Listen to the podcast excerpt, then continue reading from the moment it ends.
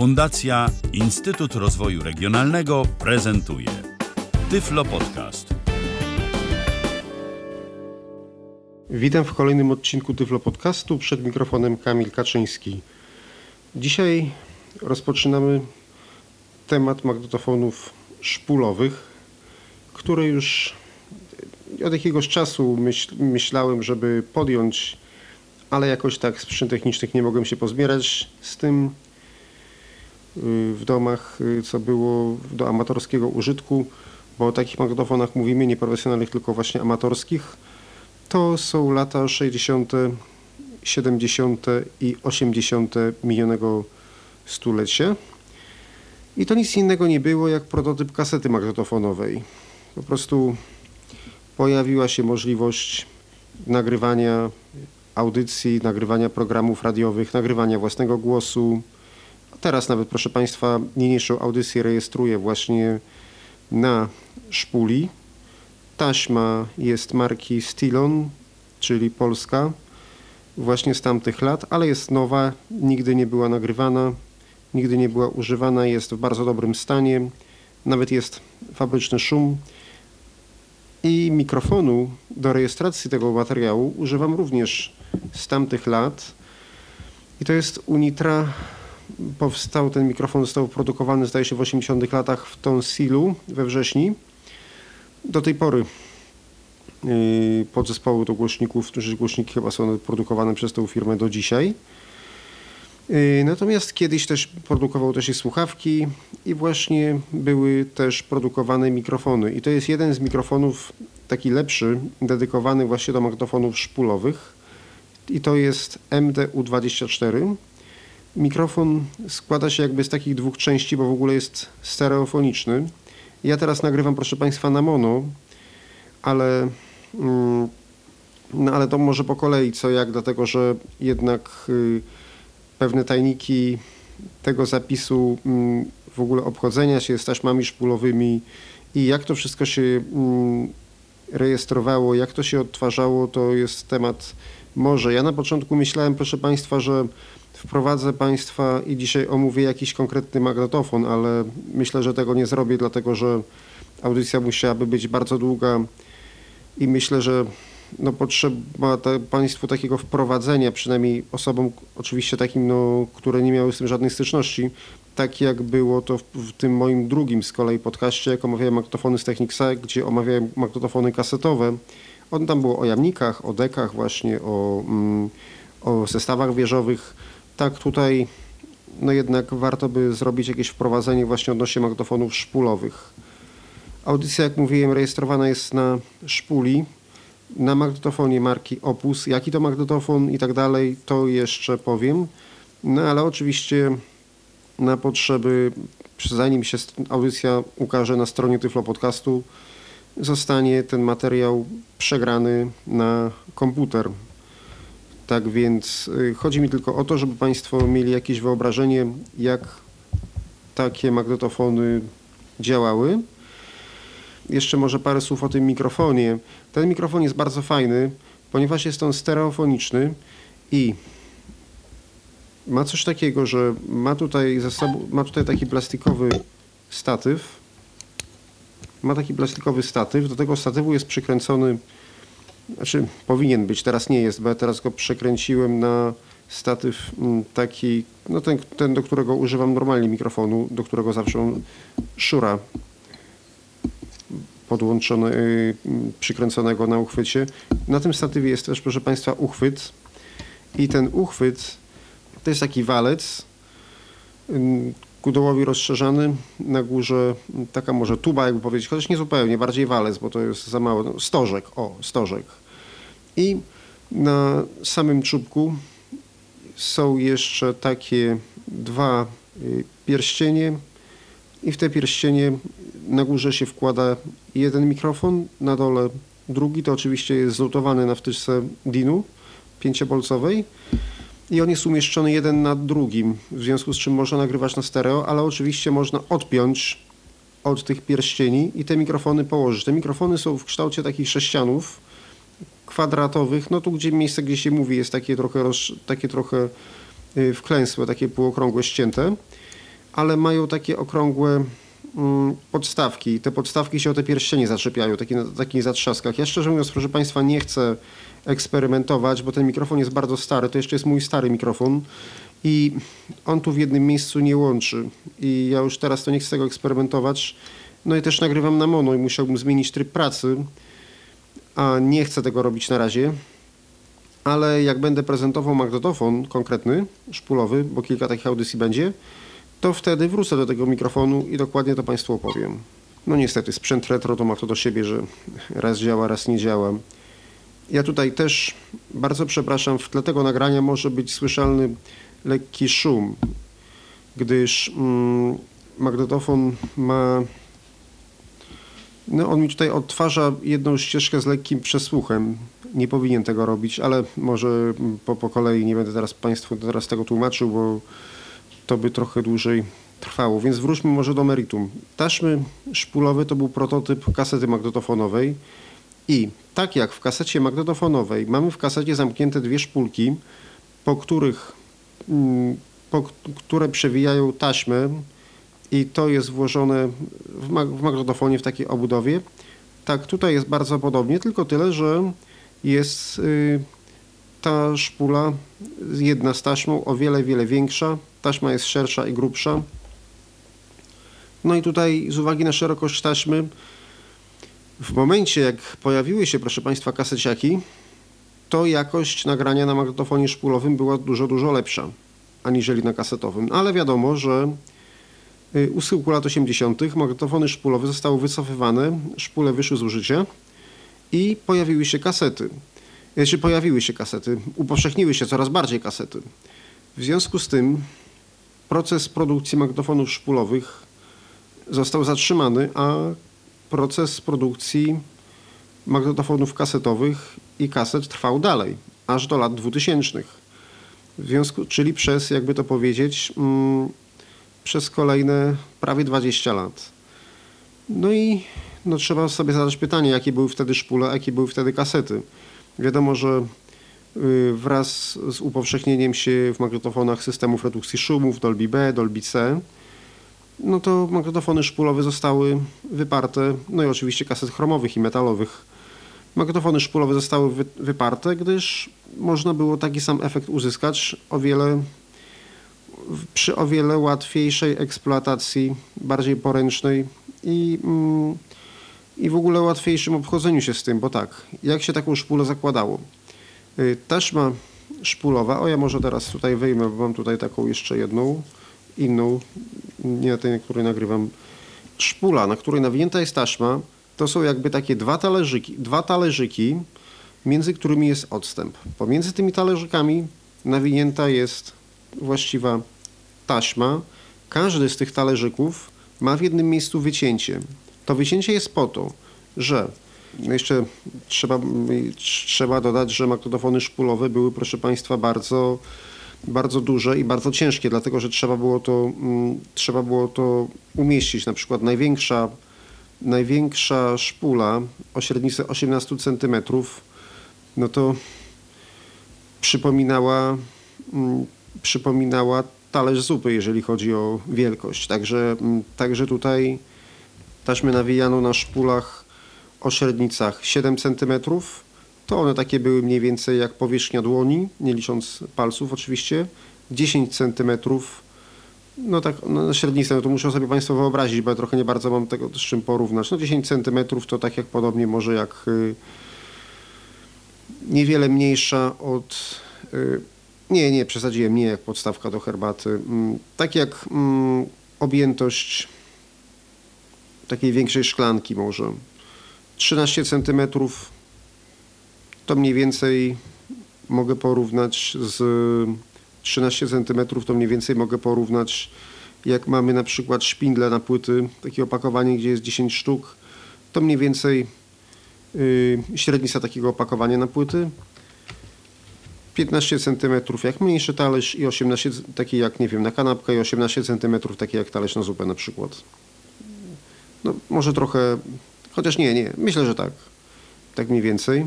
Zawsze, żeby takiej szpuli użyć, to trzeba było mieć że takiej, takiej szpuli, no, w sensie taśmy nawiniętą na takiej szpuli odtworzyć, to trzeba było mieć zawsze dwie szpule.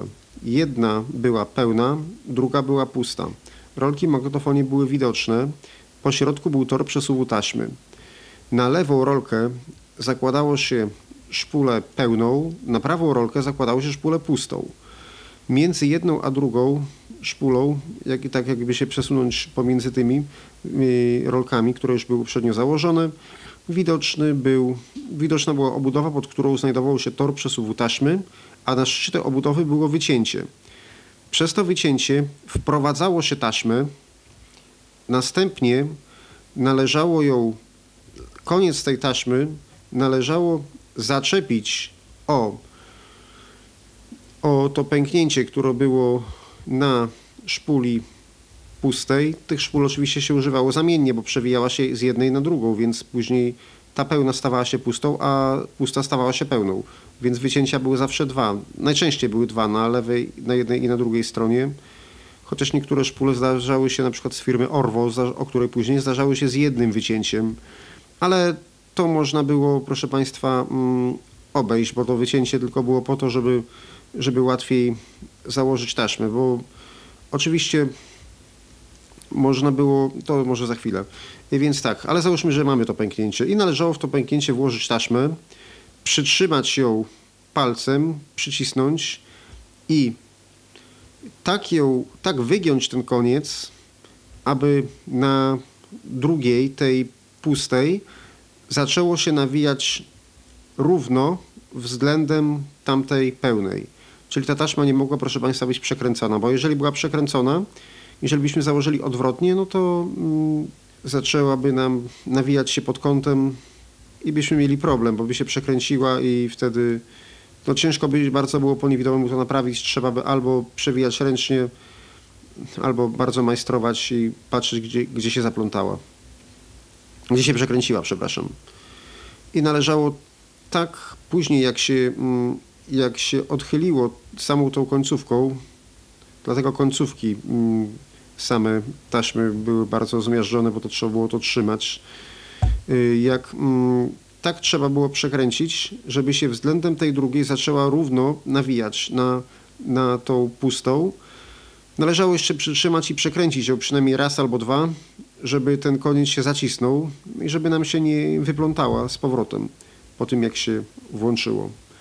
Następnie oczywiście można już było wszystko robić. Można było nacisnąć start, można było nacisnąć nagrywanie lub przewijanie i tak dalej. Niektóre szpule, i oczywiście tak, na początku tam była rozbiegówka, no i później była taśma właściwa.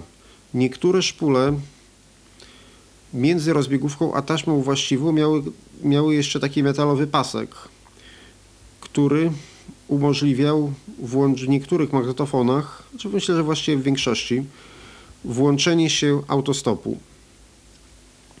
To było tak zrobione, że ten pasek przepuszczał prąd, w przeciwieństwie do tego, jak szpula, cała taśma, taśma szpulowa nie przepuszczała prądu, tak samo rozbiegówka, pasek przepuszczał i mm, wtedy ten autostop działał. Różnie to było rozwiązane. W tych prymitywnych odłączał się prąd, w tych lepszych, mm, darzy się nowszych, wyskakiwał przycisk startu, bo już jak były klawisze, ale to może, mm, jeżeli chodzi o samą obsługę, to jeszcze jak będę omawiał konkretne modele, już nie, nie mówię, może, może jeszcze w tej audycji, tylko tyle, że jeszcze no nie w tej chwili. No i tak jak się, proszę Państwa, tę taśmę już zaczepiło, mm, można było można było z nią wszystko robić tylko tak, jak jeszcze raz przypominam, trzeba było bardzo uważać, żeby przy założeniu się nie pomylić i nie zaczęła się ta taśma nawijać pod kątem. Teraz może taki rys historyczny. Nie będzie tutaj oczywiście wszystkich modeli magnetofonów szpulowych, jakie zostały w Polsce wyprodukowane. Będzie większość, te najbardziej znane, no bo no nie, nie wiem, czy znam wszystkie. Więc tutaj, mm, ale tak postaram się pokrótce omówić tło historyczne, co kiedy było, czym one się charakteryzowały i jak to wszystko wyglądało. Jeszcze taka uwaga wstępna. Pierwsze magnetofony szpulowe ze względu na mniejsze gabaryty nie umożliwiały założenia na nich szpul o średnicy 18 cm. Dlatego czasami zdarzało się, i może się Państwu też tak zdarzyć, jakby Państwo chcieli sobie, nie wiem, kupić taką szpulę, że były długie taśmy niemal do pełna nawinięte na szpulę o średnicy 15 cm, gdyż y, szpule o tamtej średnicy były chyba w Polsce najpopularniejsze i do każdego magnetofonu można było je stosować. Amatorskie magnetofony, ogólnie mówiąc, oferowały trzy prędkości przesuwu taśmy 4,75 cm na sekundę, 9,5 cm na sekundę oraz 19 cm na sekundę. Chociaż tutaj oczywiście ja się z różną specyfikacją, proszę Państwa, spotkałem, bo było 4,76 napisane, 4,8 było napisane na niektórych stronach internetowych, na niektórych jest 19,5, aczkolwiek no najprościej to jest, chyba było tak, że to się po prostu trzeba było przemnożyć razy 2. Czyli 4,5 razy 2 to jest 9,5, razy 2 to jest 19, a jeszcze razy 2 to jest 38. Z prędkością 38 pracowały magnetofony szpulowe studyjne, ale o nich nie będziemy mówić, ja tylko proszę Państwa zobaczę, czy mam jeszcze dużo miejsca, bo tutaj się nagrywa na szpuli, tak jak mówiłem, ale mogę lekko dotknąć i zobaczyć, czy na lewej rolce, czyli na tej, na której się nagrywa, jest jeszcze dużo taśmy. Zaraz to sprawdzę. Ok, wszystko działa. Mogę, proszę Państwa, kontynuować. A więc tak, jeszcze tak mm, z ciekawości, tak, tak dla zainteresowanych, prędkość 4,75 również stosowano w, w magnetofonach kasetowych, a w magnetofonach szpulowych z kolei nie była powszechna. Y, znam tylko kilka modeli polskich magnetofonów, które taką prędkość posiadały. Zdarzała się gdzieniegdzie w magnetofonach zachodnich i to też nie we wszystkich. Ja na przykład mam Philipsa zachodniego, Philipsa niemieckiego właśnie, który ma 4,75, ale to, to była generalnie rzadkość. Najczęściej spotykane prędkości nawet w tych zachodnich to było 9,5 i 19 cm na sekundę. Oczywiście najpierw skoncentrujemy się, proszę Państwa, na polskich, a o zachodnich powiem, proszę Państwa, później, bo, mm, bo tutaj no, ciężko by było, ja szczerze mówiąc, bardzo niewiele miałem zachodnich magnetofonów szpulowych, dlatego że te magnetofony ze, względu na swoją, ze względu na swoją cenę były w Polsce praktycznie niedostępne. I teraz gdzieś, gdzie niegdzie tylko udaje mi się czasami coś zdobyć. W następnej audycji omówię Państwu właśnie Philipsa z taką prędkością. I tak, magnetofony szpulowe najpierw były monofoniczne, później były stereofoniczne. Zaczynamy oczywiście od monofonicznych. Monofoniczne magnetofony były dwuścieżkowe, a później czterościeżkowe. I te magnetofony pierwsze posiadały prędkość, zawsze prędkość 9,5 cm na sekundę. Ewentualnie polski to, ja się, to mi się tylko jeden przypomina, który miał 4,75, to później o nim powiem. I to właśnie to, to 4,75. Ale 9,5 miały zawsze. Jeden polski dwuścieżkowy pamiętam, że miał 4,75. I jeden czterościeżkowy z kolei w najwyższej półki miał 4,75 też, ale to o nim później. Później w magnetofonach stereofonicznych, przede wszystkim stereofonicznych, chociaż też jest jeden taki mono, pojawiły się, pojawiła się oczywiście prędkość 19 cm na sekundę, co skróciło czas zapisu, ale polepszyło jakość odbioru. Początkowo produkowano magnetofony dwuścieżkowe, monofoniczne, wykorzystujące zapis na połowie szerokości taśmy, ale bardzo szybko zaczęto produkować magnetofony czterościeżkowe, najpierw mono, a później stereo. W magnetofonach studyjnych, jak już mówiłem, było jeszcze inaczej, gdyż wykorzystywano w nich dłuższą taśmę, ona nie była nawijana na szpule klasyczne, tylko na tak zwane naby, która obracała się też z, obracała się z prędkością 38 cm na sekundę, a więc jeszcze dwa razy szybciej aniżeli taśma w magnetofonach amatorskich oraz stosowano zapis dwuścieżkowy. Ale uwaga, ten zapis stereofoniczny był, no mógł też być monofoniczny, dwuścieżkowy, wtedy nie dwuścieżkowy, jednościeżkowy, przepraszam, czyli na całej szerokości taśmy. A więc praktyce taśma miała tylko jedną stronę i po włączeniu jej przypadkiem na drugiej stronie grała do tyłu. Tak samo, proszę Państwa, było z magnetofonami szpulowymi czterościeżkowymi. No bo wiadomo, że taśmę nagraną w trybie dwuśladowym, czyli dwuścieżkowym, można było również odtworzyć na magnetofonie czterościeżkowym, dlatego że ich tak jak rozwijały się te magnetofony, które miały im więcej opcji, no to nie rezygnowano z innych, tylko też umożliwiały odtwarzanie starych taśm, bądź też przygotowywanie materiałów na nich mm, do odtwarzania na starych magnetofonach, no bo nie każdy mógł, nie, nie- każdy miał to samo. Tak więc, mm, jeżeli się włożyło taką taśmę, która była nagrana w trybie. Ja może kiedyś, jak będę miał możliwość, to Państwu zademonstruję, ale na razie powiem. Jeżeli się włożyło taśmę nagraną w trybie cz- dwuśladowym do magnetofonu czterośladowego i włączyło się tylko na pierwszą ścieżkę i trzecią, bo to one tak, tak były, właśnie nie wiem, one były tak, tak opisywane 1, 3, 2, 4 albo 1, albo 2, 3, 1, 4. Jakoś tak. W każdym razie chodziło, bo one były tak naprzemiennie ułożone. Znaczy, znaczy to o nic nie chodziło, tylko o, mm, tylko mm, o oznaczenie. Każdym razie, jak się włączyło niby na pierwszą ścieżkę, to wtedy grały dwuścieżkowe dobrze. Jeżeli się włączyło na drugą ścieżkę, to słyszeliśmy, mm, załóżmy, dobra, mamy 1, 3, 2, 4, więc, więc dwuścieżkowych trzeba było słuchać na 1, 3 w magnetofonie czterościeżkowym. Jeżeli się włączyło na y, pierwszą stronę szpuli i ustawiło się na 1-3 to gra pierwsza strona, 1-3 na drugiej grała druga strona. Jeżeli się ustawiło na 2-4, a taśma była nagrana w trybie dwuścieżkowym, czyli właśnie nie, na 1 czwartej szerokości, tylko na połowie szerokości, no to wtedy było tak, że jeżeli się włączyło na 2-4, to na pierwszej stronie grała do tyłu druga strona, a na drugiej grała do tyłu pierwsza strona. No tak. Tak jak, jak no, nie, nie umiem Państwu tego inaczej wytłumaczyć.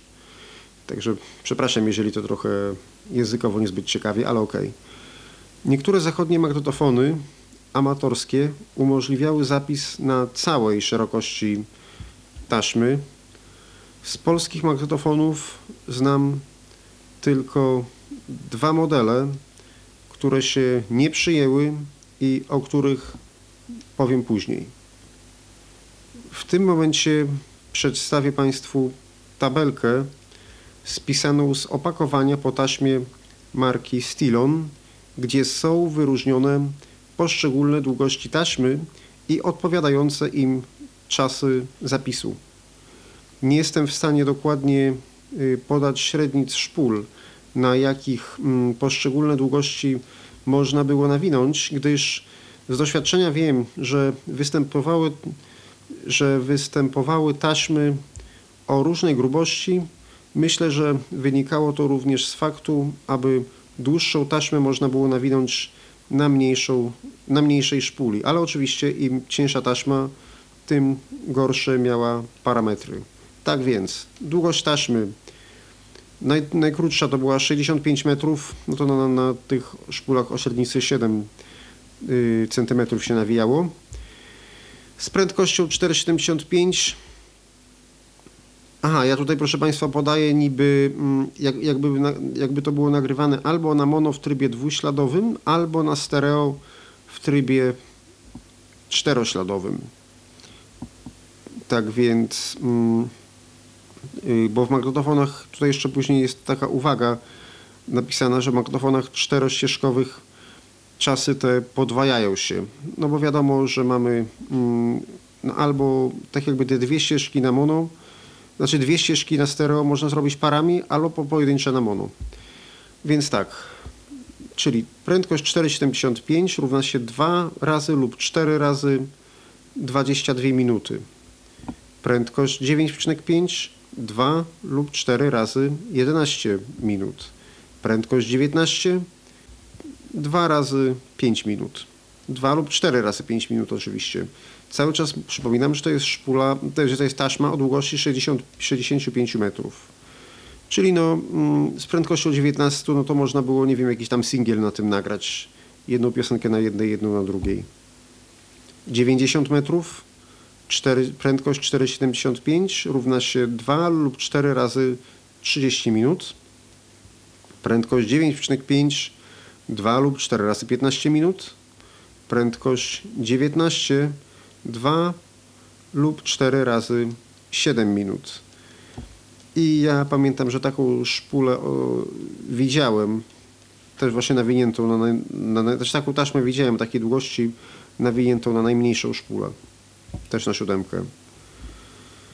135 metrów, to już się pewnie na, na dziesiątce mieściło, aczkolwiek, znaczy dziesiątce w sensie 10, 10 centymetrów średnica szpuli, aczkolwiek i tak należy wziąć pod uwagę, że, że grubość tej taśmy też była różna.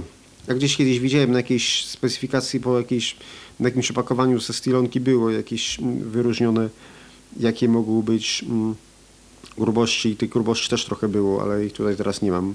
135 metrów yy, taśma, prędkość 4,75 2 lub 4 razy 2 godziny 45 minut 9,5 2 lub 4 razy 22 minuty. Prędkość 19 2 lub 4 razy 11 minut. Taśmy o długości 180 metrów. Prędkość 4,75 2 lub 4 razy 60 minut.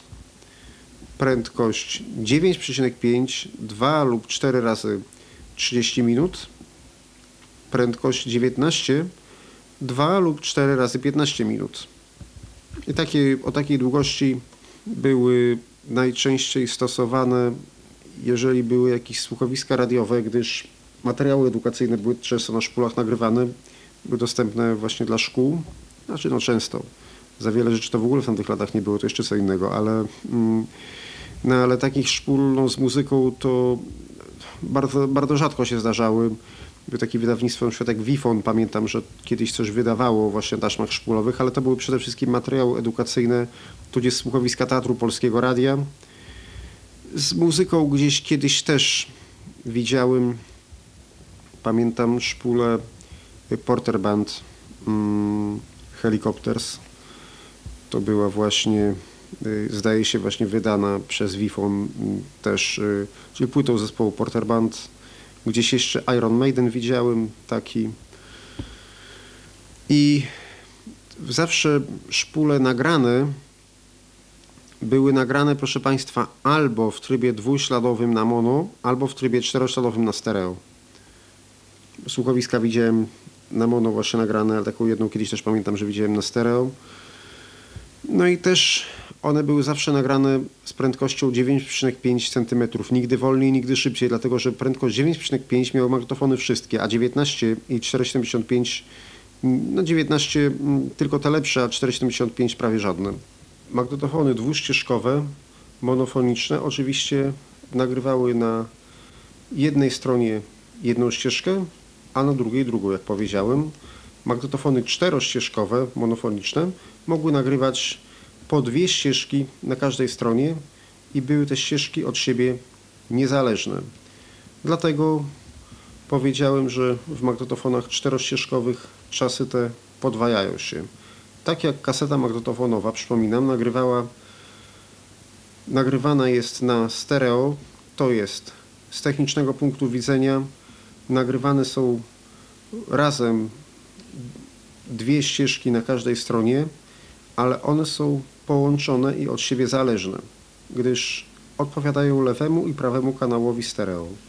Tak w przypadku magnetofonów szpulowych, czterościeżkowych był w magnetofonie przełącznik ścieżek, który umożliwiał użytkownikowi wybór jednej z dwóch i nagranie na odpowiedniej jakiegoś materiału, a na drugiej nagranie czegoś innego lub też połączenie ich i nagranie na obydwu tego samego, co przyczyniło się, przyczyniało się do uzyskania trochę lepszej jakości, ale nagranie oczywiście w dalszym ciągu było mono.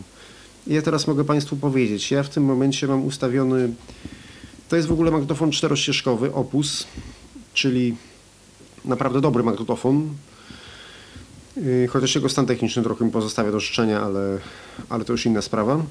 Nagrywam w tym momencie z prędkością 19 cm na sekundę, żeby była lepsza jakość, ale ponieważ nie ma tu efektu stereo, jest tak naprawdę jest suchy wokal. Jeszcze sprawdzę jeden mikrofon, czy działa mikrofon dobrze. Bo tutaj jeden mikrofon, proszę Państwa, nie łączy. Ale że jest suchy wokal, więc ja nagrywam, proszę Państwa, na mono, dlatego że, dlatego, że druga ścieżka jest, proszę Państwa, wolna i ja mogę sobie tę drugą ścieżkę jeszcze na coś wygospodarować. No jeżeli bym włączył nagrywanie na stereo, to to by tutaj myślę, że wiele nie, nie dało, chociaż ja myślę, że w, aha, nie, nie, przepraszam Państwa, ja nie, nie włączę nagrywania na stereo jeszcze z innego powodu, dlatego że prawy kanał, ja nie mogę, proszę Państwa, w tym magnetofonie ustawić prawego kanału, dlatego że jest uszkodzony potencjometr głośności i jeżeli włączę teraz na stereo, to będę zmuszony ustawić głośność nagrywania na maksa. W związku z tym zwiększy się diametralnie tło, bo teraz ustawiłem cicho, więc mikrofon zbiera bezpośrednio z ust, czy niemal bezpośrednio z ust, więc nie mamy dodatkowych szumów, no, no i tła nie mamy tak za bardzo, tak bardzo. No wiadomo, że trochę mamy, ale, ale nie tak bardzo, żeby, żeby nam to jakoś bardzo przeszkadzało.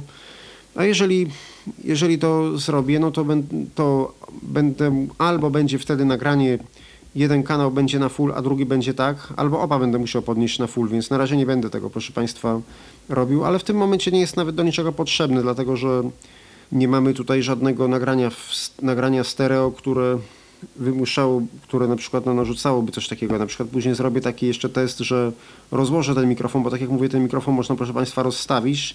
Jedną część położę po jednej stronie stołu, drugą część po drugiej stronie stołu, włączę, na, włączę y, wtedy stereo i włączę, jakby to powiedzieć, no, zgłośnie na maksa. Prawy kanał i tak jest zgłoszony na maksa, a w ogóle tutaj do jednej ścieżki ustawia się jednym potencjometrem, a do drugiej drugim się ustawia, więc tamtego, tamtej nie mogę zmienić, tę mogę zmienić tylko. Więc y, ustawię, y, ustawię na maksa jedną i drugą, zdejmę słuchawki tak, żeby nie było sprzężenia i wtedy Państwu to zademonstruję. Na razie, proszę Państwa, zostaniemy tak, jak jesteśmy. W magnetofonach stereo, jak już powiedziałem, poszczególne pary ścieżek odpowiadały poszczególnym kanałom, jak było później w magnetofonach kasetowych. Znaczy no nie później, bo magnetofony kasetowe w tym samym czasie zaczęto też już, mm, znaczy powoli zaczęto produkować, jak już były magnetofony czterościeżkowe, szpulowe, ale nadal użytkownik takiego magnetofonu, jeżeli miał magnetofon stereofoniczny, miał do wyboru obie ścieżki włączone na stereo, obie włączone również też na mono, też tak można było zrobić. Dlaczego, to później powiem, bo też przydatna opcja czasami. Lub nagrywanie niezależne na poszczególnych. Na mono wtedy i najczęściej dwie prędkości przesuwu taśmy. Mówię najczęściej, bo było kilka takich magnetofonów nietypowych, ale to o nich zaraz. To jest, przypominam, 9,5 cm na sekundę, czyli taką, jaka była w starszych magnetofonach mono oraz 19 cm na sekundę powstało w miarę upowszechnienia się magnetofonów stereo, jak i pierwsze magnetofony stereo posiadały tylko jedną prędkość przesuwu taśmy, czyli tę starą 9,5 cm na sekundę. To były te magnetofony oparte na licencji Grundiga które wyewoluowały, ale to za chwilę też. W nowszych magnetofonach był wybór, gdyż nie tylko trzeba było odtwarzać różnie nagrane taśmy. No bo dlaczego? No bo to wiadomo, jak się kupował magnetofon, no to nie, mm, nie po to, żeby tylko móc odtworzyć to, co się na nim nagrało, tylko może, żeby, ale też czasami, jeżeli jakieś mm, nagranie źródłowe było słabe, no to nie było sensu nagrywać na większej prędkości albo nagrywać na stereo. Na większej prędkości nie było sensu na przykład nagrywać, jeżeli, jeżeli coś mm, i tak było, bo w, w tamtych czasach jedni od drugich przegrywali. No więc jeżeli, jeżeli, mm, jeżeli jakość nagrania źródłowego była słaba, to wystarczyło nagrać na 9,5 A jak nagranie było na mono, tak jak teraz, czyli suchy wokal, tak jak, tak jak teraz no to do Państwa mówię, no to też nie było sensu nagrywać na stereo, bo można było to już długą ścieżkę na co innego wygospodarować. Gdyż taśmy, proszę Państwa, też w tamtych latach nie były tanie. Warto jeszcze wspomnieć o tym, że ta dowolność w pracy na poszczególnych ścieżkach niosła ze sobą trochę ciekawych funkcji, niedostępnych już w magnetofonach kasetowych, a były nimi nagrywanie synchroniczne oraz przepisywanie ze ścieżki na ścieżkę. Ja trochę już w swoim artykule na ten temat pisałem i trochę wspominałem w audycji na żywo odnośnie retro audio, ale tu przypomnę. Nagrywanie synchroniczne umożliwiało podsłuch przy zapisie na jednej ścieżce wcześniej nagranego materiału na drugiej. No tutaj oczywiście nie musiała być mm, zachowana kolejność. Można było włączyć dowolną z dwóch i włączyć lub wyłączyć podsłuch zapisu z drugiej. Ten podsłuch się nie przegrywał, bo on najczęściej był w słuchawkach albo we wzmacniaczu. Tutaj mówię, że nie nagrywał, no bo wiadomo, jak się jak nagrywało się przez, przez wzmacniacz, przez kabel czy coś, jakieś inne źródło, no to nie, ale mm, tego synchronicznego zapisu najczęściej wykorzystywało się, można było wykorzystać na przykład do tego, że nagrać na jeden instrument, później na drugiej nagrać swój śpiew, włączyć się na raz i wtedy na przykład na mono właśnie i wtedy można było to mm, połączyć ze sobą. W monofonicznych magnetofonach, takich jak na przykład omówione później ZK-145, przełączało się kabel wyjściowy i wtedy w urządzeniu zewnętrznym, na przykład odbiorniku radiowym pracującym w danej chwili jako wzmacniacz, słyszało się nagry y, nagrywając na jednej dźwięk, słyszało się dźwięk z tej drugiej, a później można było je włączyć razem. Czyli te starsze magnetofony miały rozwiązane to tak, że trzeba było wyjście liniowe przełączyć do innego gniazda, Później już nie trzeba było tak modzić, dlatego że był odpowiedni przycisk w nowszych magnetofonach, więc już się odbywało bez kombinacji z połączeniami, można było włączyć lub wyłączyć tę funkcję. Inną ciekawą funkcją było przepisywanie ze ścieżki na ścieżkę z możliwością dogrywania kolejnych partii materiału.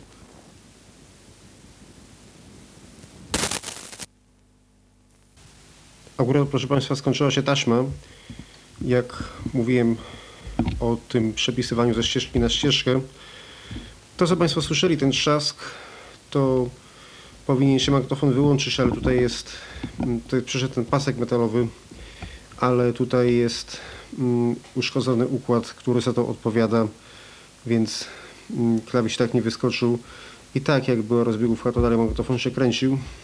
Dlatego ja to tam się nagrało, dlatego ja tego wcześniej nie zauważyłem i to dopiero jak usłyszałem, że taśma zaczyna, taśma się wyplątała i zaczęła, zaczęła wysmyknęła się i zaczęła ocierać się o budowę, to dopiero proszę Państwa usłyszałem, że, mm, że się taśma skończyła, no ale skończyła się w momencie jak powiedziałem, że przepisywanie ze, ścieżkę, ze ścieżki na, na ścieżkę. I ta opcja była już mm, dostępna dopiero już tak później w tych magnetofonach, które były z linii ZK246, bo w ogóle były dwie linie produkcyjne, o których też Państwu za chwilę tak powiem. Przepraszam, bo takie powinienem właściwie najpierw zawrzeć tło historyczne, a później jakoś tak operować nazewnictwem, ale no bez pewnego wprowadzenia nie byłem w stanie. Tak jeszcze taka techniczna inna rzecz. Ja teraz przełączyłem na prędkość 9,5 cm na sekundę, dlatego jest troszeczkę gorzej niż było wcześniej. I zrobiłem to z dwóch powodów. Mm, raz, może po drugie, żeby Państwu pokazać, żeby Państwo usłyszeli też jaka jest jakość tego nagrania, to po drugie. A po pierwsze, to przede wszystkim dlatego, że mam Państwu jeszcze trochę do powiedzenia i boję się, że mi się to nie zmieści na tej jednej stronie. Na czym polegało przepisywanie ze ścieżki na ścieżkę? Przepisywanie ze ścieżki na ścieżkę polegało na tym, że można było na przykład nagrać sobie na pierwszej ścieżce perkusję, No załóżmy, nie wiem, no jesteśmy muzykami, gramy na różnych instrumentach, śpiewamy, mamy jakieś próby w ogóle. No i chcemy jakieś dokonania, zanim zostanie wydana płyta, zanim, mm, zanim coś, no to chcemy, chcemy sobie mm, zrobić próbę, zobaczyć jak to będzie brzmiało. No oczywiście tutaj dla koneserów i zagorzałych fanatyków muzycznych to i amatorzy się tym bawi, bawili, podejrzewam. Jak ktoś miał jakiegoś zacięcie muzyczne na przykład, to, to dlaczego nie? Była taka możliwość. Więc tak, załóżmy, na pierwszej ścieżce nagrywamy perkusję, później włączamy to przepisywanie, ustawiamy, cofamy taśmę, ustawiamy się na nagrywanie drugiej ścieżki. W słuchawkach słyszymy perkusję i w odpowiednim momencie gramy na gitarze. To, co nam było, to co było nagrane na pierwszej ścieżce, kopiuje się na drugą, plus do tego kopiuje się nagranie, kopiuje się gitara. Na pierwszej ścieżce mamy tylko perkusję, na drugiej już mamy perkusję i gitarę. Więc ta pierwsza ścieżka z perkusją już nam niepotrzebna, bo już to załatwiliśmy i załóżmy chcemy nagrać jakąś trąbkę. Więc z powrotem ustawiamy nagrywanie na pierwszej ścieżce, włączamy przepisywanie ze ścieżki drugiej, przepisuje nam się perkusja i gitara, a na pierwszej nagrywa się, mm, na pierwszej nagrywa się perkusja i gitara plus trąbka, którą nagrywamy teraz. Żeby było ciekawiej, to w niektórych magnetofonach, mm, na przykład właśnie w Ari tej mojej i Opusie, Aria i Opus wyglądały identycznie, więc opcje są takie same. Yy, mamy nawet możliwość ustawienia głośności tego yy, przepisywania ze ścieżki na ścieżkę. No jak mamy, załóżmy na pierwszej nagraną perkusję, gitarę, jakąś trąbkę, ustawiamy się z powrotem na drugą, na której była sama, na której była sama perkusja i gitara i wtedy załóżmy chcemy nagrać jakiś wokal. Więc słyszymy przepisywanie ze ścieżki na ścieżkę, to perkusję, gitarę, jakąś trąbkę, plus, mm, plus y, do tego dośpiewujemy w odpowiednim momencie. No i w związku z tym mamy nagrany cały utwór muzyczny, możemy tak do, dokładać w nieskończoność. No oczywiście w miarę im bardziej, bardziej będziemy podkładać, tym będzie gorsza jakość tych, tych materiałów poprzednich, szczególnie tych najstarszych. No i myślę, proszę Państwa, że tyle tytułem wstępu. I teraz przedstawię Państwu kilka specyfikacji poszczególnych magnetofonów.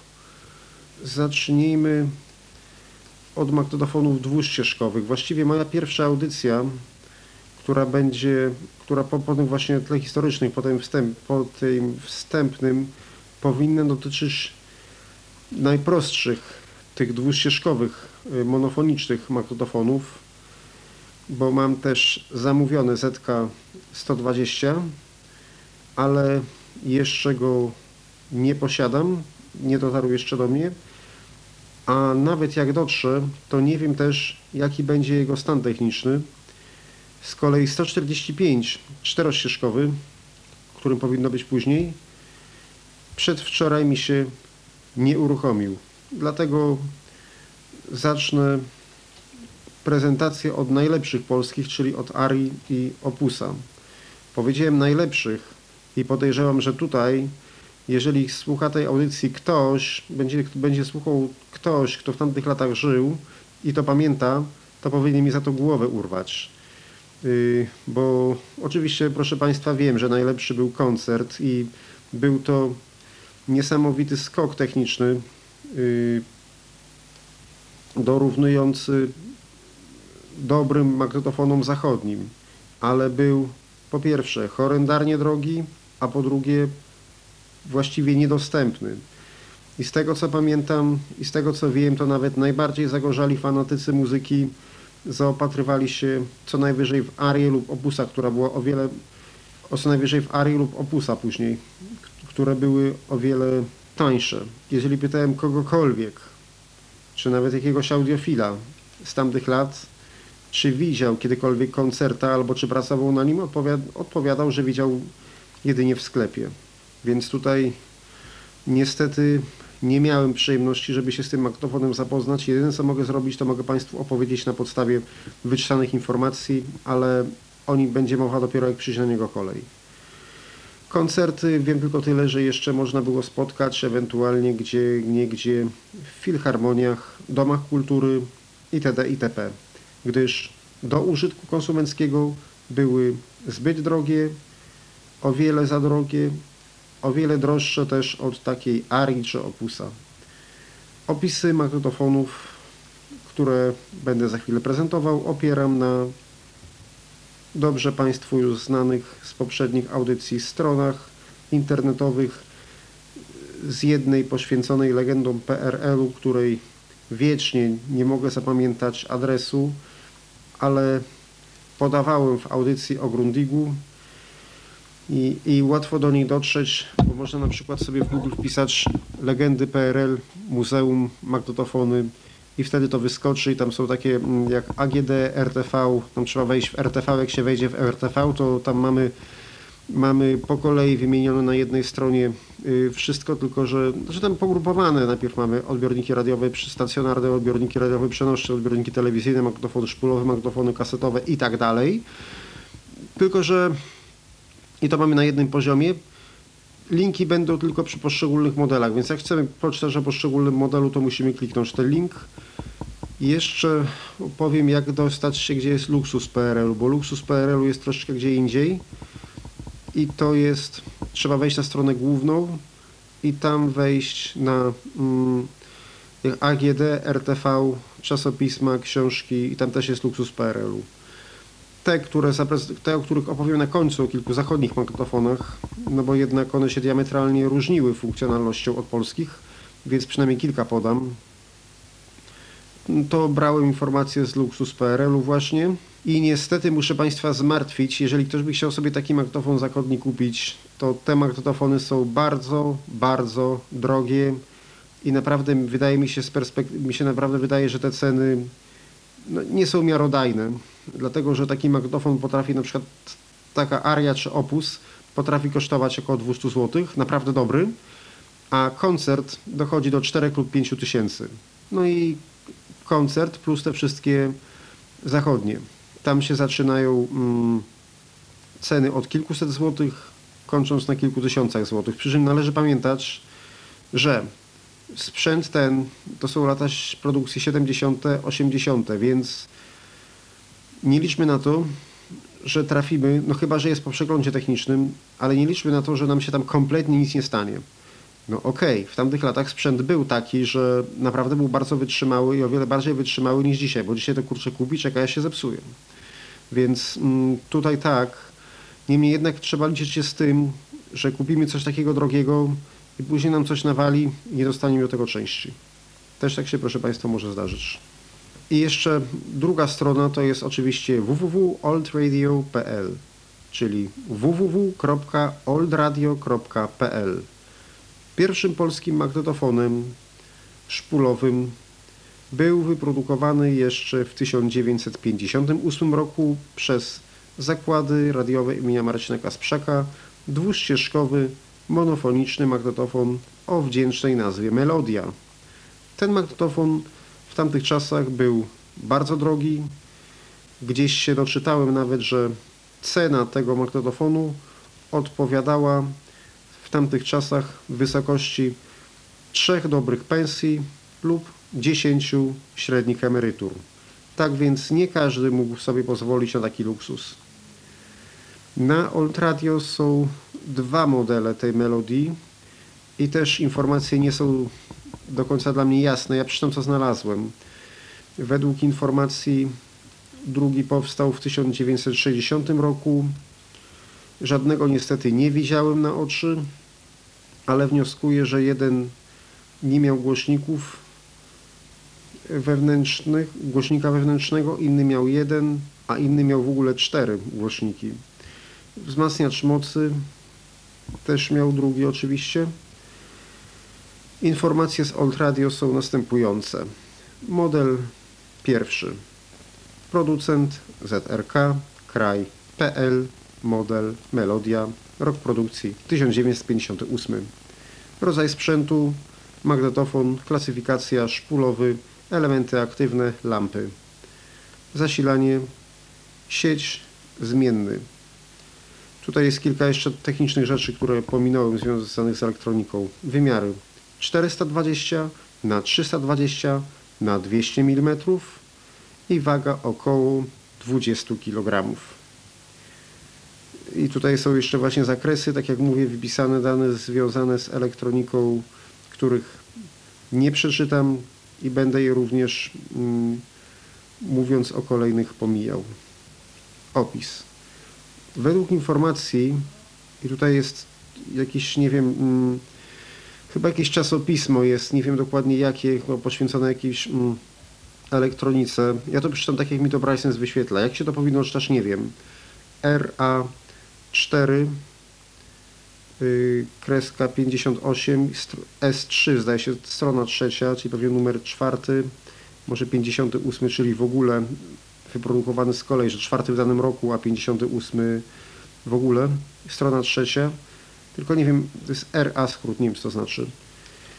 Miał, nie, nie miał wewnętrznego wzmacniacza mocy, w celu odsłuchu należało go podłączyć na przykład do wejścia magnetofonowego odbiornika.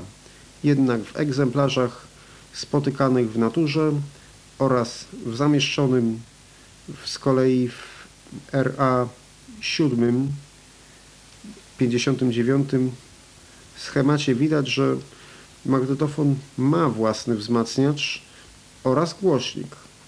Silnik magnetofonu został wyprodukowany w wrześnieńskim Tonsilu, zaś obudowa w jednej ze spółdzielni inwalidów imienia Marchlewskiego, cokolwiek by to nie było.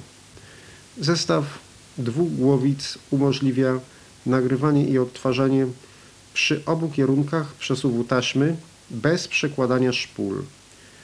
Y, w praktyce nie oznaczało to niczego innego jak autorewers, czego nie było już w kolejnych polskich magnetofonach, chyba że w koncercie, ale też tego nie wiem, chociaż w koncercie mogło być. Zainteresowanych z Państwa pozostawiam odnośnie tego koncertu do doszukania się tej informacji i ewentualnego uzupełnienia w komentarzach, ale wróćmy do melodii. Magnetofon posiadał magiczne oko służące do regulacji poziomu zapisu przy nagrywaniu, gdyż wtedy jeszcze nie było y, przy nagrywaniu, gdyż wtedy jeszcze nie było klasycznych wskaźników wysterowania i to magiczne oko było w postaci światełka, które się jakoś tam ciemniej lub jaśniej paliło. Cena w roku 1961 roku wynosiła 6000 zł. Model drugi. Producent oczywiście ZRK, Kraj.pl, tak samo. Model Melodia, rok produkcji 1960. Rodzaj sprzętu magnetofon, klasyfikacja szpulowy, elementy aktywne, lampy, zasilanie, sieć zmienny, wymiary niepodane, chyba że na skanach zdjęć, które są dla mnie nieczytelne. Z kolei opis w, znowu to jest RA7, kreska 60, strona 220, 222. W artykule Nowe modele krajowego przemysłu elektronicznego napisano o nim jedno zdanie i zamieszczono fotografię.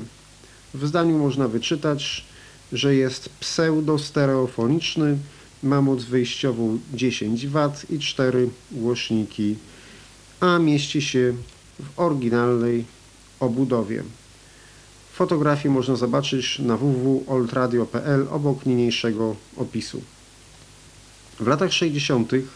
ZRK produkowały znany magnetofon o identycznej nazwie, ale wyglądał inaczej i miał inne parametry. No to pewnie to, co czytałem wcześniej w tym z 58 roku, no ale też był jakiś, jakiś z głośnikiem, a tutaj był proszę Państwa bez głośników.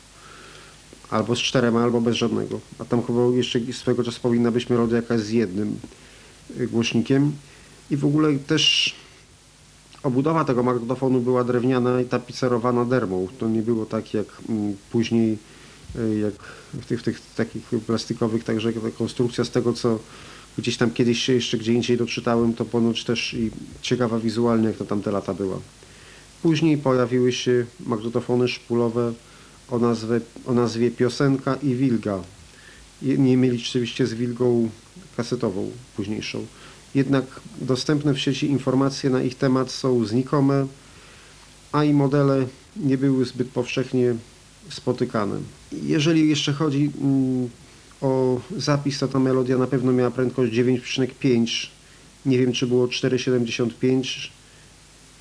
Gdzieś kiedyś może kiedyś może gdzieś o tym czytałem, ale teraz proszę Państwa tego nie pamiętam. Wiem, że piosenka i Wilga były tańsze, aczkolwiek no to były jeszcze lata, gdzie te magnetofony tak naprawdę nie były takie powszechne, nie były w ogóle tak powszechne. Dzisiaj mało kto w ogóle pamięta o, o czymś takim jak melodia. Zazwyczaj jak się kojarzy ludzi z magnetofonami szpulowymi, co, co mieli w domach, no to takim magnetofonem, który naprawdę się tak wybił, takim właśnie starym, to był ZK-120 lub ZK-140. To już było 10 lat później, końcówka lat 60. Wtedy już tak bardziej się stawały popularne.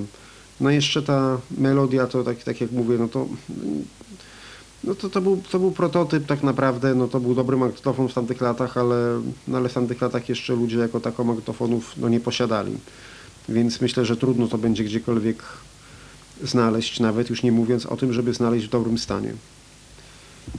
Chociaż jeżeli kupimy coś z drugiej ręki i nikt z tym nic nie robił, to w dobrym stanie na pewno nie będzie, bo paski do wymiany pójdą na pewno na pierwszy ogień, więc trzeba będzie szukać alternatyw, bo takich pasków nie ma.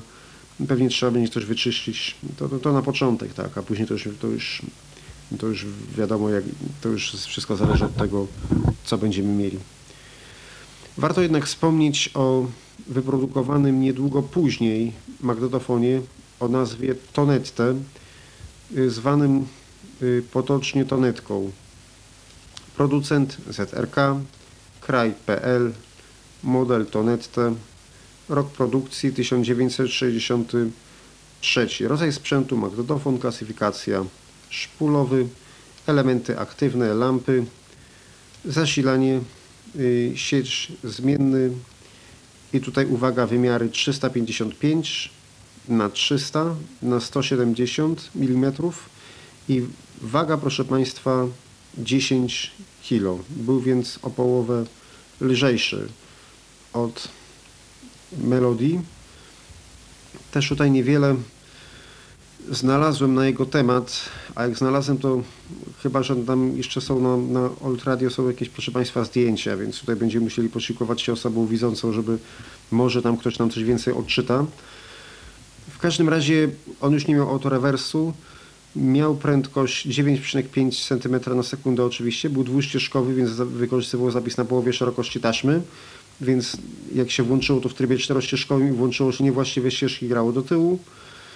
Mm, miał prędkość 9,5 i 4,75 cm na sekundę. To, to, to, taka ciekawostka, dlatego że tak jak mówiłem, niewiele magnetofonów. Właściwie teraz już w tym momencie mogę powiedzieć, jakie polskie miały 4,75. 4,75 miał właśnie tylko to i koncert. I ten magnetofon już tak jak z ludźmi rozmawiałem ogólnie, to już ten magnetofon gdzie niegdzie jeszcze myślę, że łatwiej trafić. Już, no, już można trafić, już można trafić, już nie jest tak jak z melodią czy piosenką. Popularny, co mam tutaj? Popularny dwuścieżkowy magnetofon szpulowy, montaż na druku, prędkość przesuwu taśmy, to tak jak mówiłem 9,5 i 4,75. Pierwsza wzmianka w 1963 roku. Był, to też jest, ta, też jest ta, to czasopismo poświęcone właśnie elektronice, nie umiem tego czytać, to jest skrót Tutaj Bryson w ogóle mi jakieś kwiatki y, wyświetla. Warto wspomnieć, że był wystawiony na 32 międzynarodowych targach poznańskich. Z informacji podanych na Old Radio wynika, że produkowano go od 1963 roku na pewno do trzeciego kwartału 1967, gdyż y, wyróżnione są zmiany techniczne w poszczególnych y, podwersjach.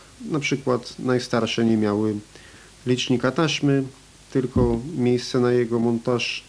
Inne już miały licznik i tak dalej, itd. itp. Tutaj to, to takie, tutaj są takie mm, niuanse techniczne, które nie są do niczego w tym momencie potrzebne. W katalogu domu sprzedaży wysyłkowej Wiosna, lato 1968. Ten magnetofon był sprzedawany za 4000 zł, a taśma za 95 zł. Pod koniec lat 60. pojawia się w Polsce, można by tak powiedzieć, epoka zetek. Produkowane wówczas magnetofony mają model ZK i odpowiadają mm, i odpowiedni, odpowiadający numer. Pojawia się dwuścieżkowy magnetofon na licencji niemieckiego Grundiga o modelu ZK120, a wkrótce później ZK120T. Litera T oznacza, że znaczy nie tak wkrótce, może tam kilka lat później, nie wiem dokładnie. Litera T oznacza, że magnetofon już nie jest lampowy, tylko tranzystorowy. Podobna sprawa jest z czterościeżkowym magnetofonem ZK140 oraz ZK140T. Zacznijmy od ZK120. Magnetofon szpulowy ZK120, lampowy, producent Zakłady Radiowe imienia Marcina Kasprzaka, Unitra, ZRK, Warszawa, ZK120, popularny magnetofon dwuścieżkowy powszechnego użytku przystosowany do zasilania z sieci prądu zmiennego 220 lub 110 V, więc tutaj pewnie był jakiś przełącznik.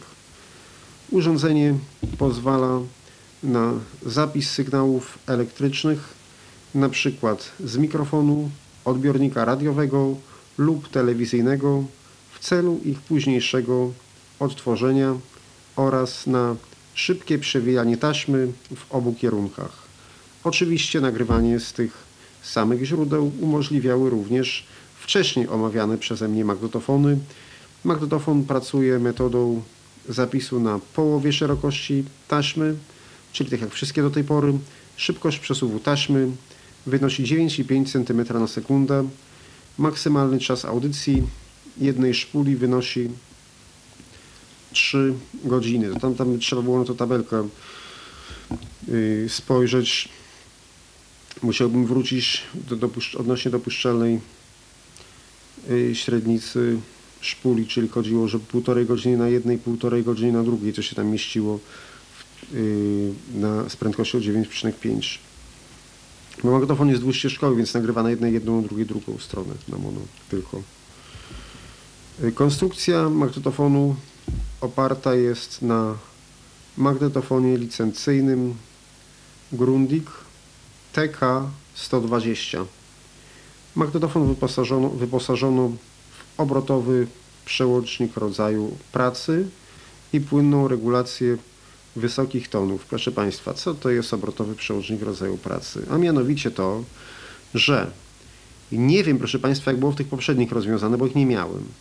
Ale tutaj było rozwiązane to w ten sposób, że nie mamy klawiszy poszczególnych, gdzie jest stop, pauza, przewijanie w lewo, w prawo, start, tak, nagrywanie i tak dalej, tylko mamy taki kluczyk, takie pokrętło skokowe, tik, tik, tik, jak się nastawiło, jak się na maksa skręciło na lewo, to było cofanie, następnym razem raz w prawo stop, następnym razem w prawo pauza, następnym razem w prawo start, następnym razem w prawo druga pauza, znaczy może nie tyle pauza jak standby do przewijania do przodu, żeby od razu przewijanie nie leciało po starcie.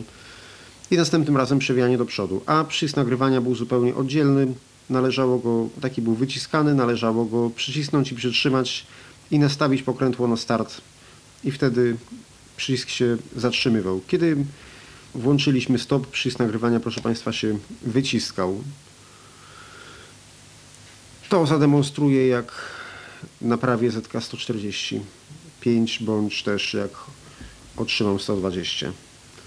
Obudowę wykonano z polistyrenu. Produkcja ZK-120 ruszyła w 1969 roku, a cena została ustalona na 3500 zł. Tutaj jest, to z kolei jest, mm, ta informacja jest z danych technicznych, informacja jest y, z legend PRL-u. Dane techniczne. Zasilanie 220 lub 110 V, rodzaj zapisu dwuścieżkowy, moc wyjściowa 1,5 W, Pasmo przenoszenia 40, od 40 do 12500 Hz. Lampy i elementy półprzewodnikowe. Tutaj elektronika to nie przeczytam. Maksymalna średnica szpuli 15 cm. 18 byśmy nie założyli, bo obudowa była mniejsza.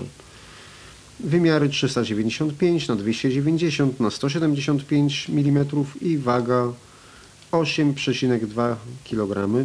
I teraz magnetofon lepszy, bo już czterościeżkowy ZK140.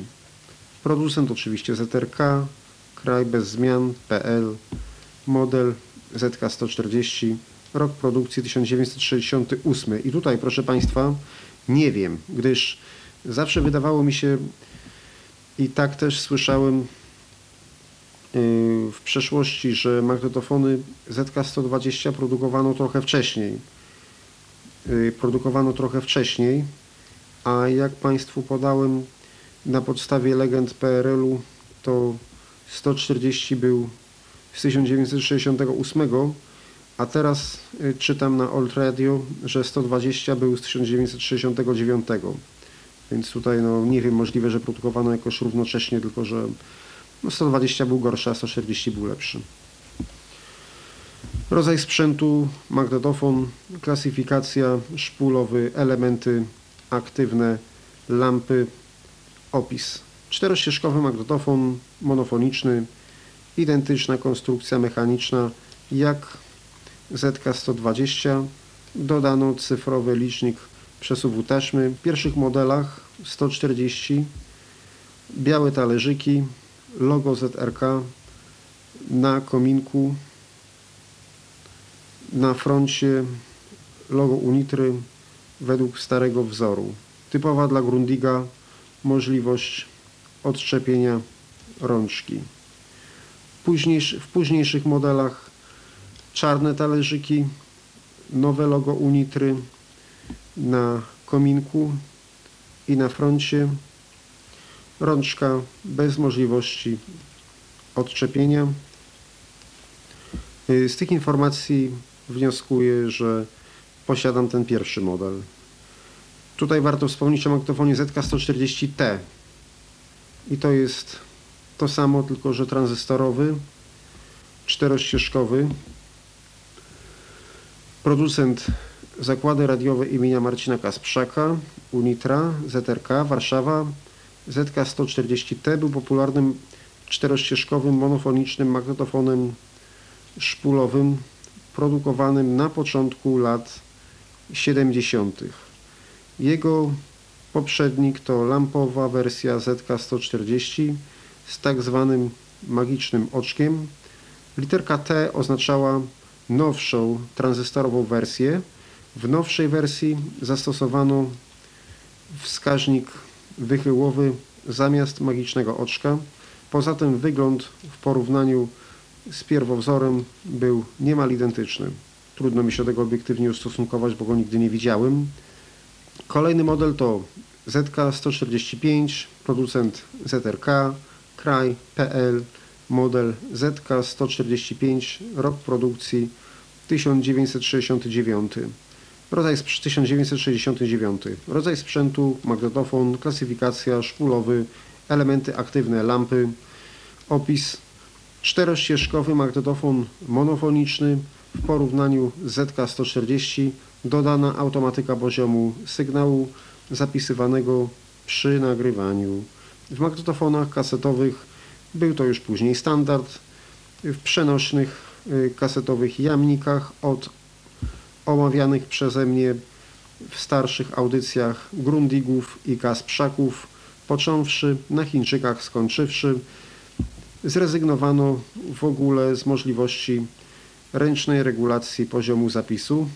W informacji prasowej z czasów produkcji tak pisano o automatyce. Zabezpiecza przed zniekształceniami nagrywanej, nagrywanej, zabezpiecza przed zniekształceniami nagrywanej audycji spowodowanymi zbyt dużymi sygnałami i jest szczególnie pomocna dla niewprawnych użytkowników magnetofonów. Z własnego doświadczenia pamiętam i dopowiadam jeszcze o tym magnetofonie, że posiadał on zapis trikowy.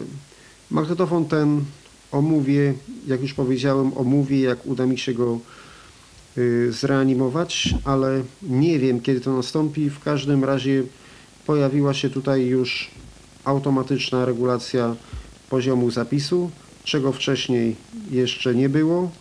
Tutaj jeszcze ta automatyczna regulacja poziomu zapisu została podzielona na dwie opcje.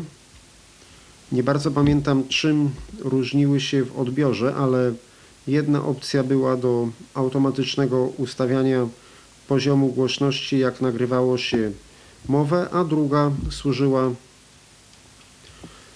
do ustawiania automatycznego poziomu zapisu muzyki. Przepraszam. Zapis trikowy polegał na dogrywaniu kolejnego materiału bez użycia głowicy kasującej, czyli to był mm, overdubbing. Nie miał on podsłuchu przy zapisie, gdyż podczas odtwarzania naciskało się przycisk nagrywania. Odtwarzanie się oczywiście przerywało, bo przechodziło w tryb nagrywania. Magnetofon zaczynał nagrywać, ale nie kasował materiału, tylko w zależności od natężenia, nagrywania, natężenia nagrywanego dźwięku materiał wyciszał. W zależności od natężenia nagrywanego dźwięku materiał wyciszał. Tak więc było to, jakby to powiedzieć, nagrywanie bez użycia głowicy kasującej.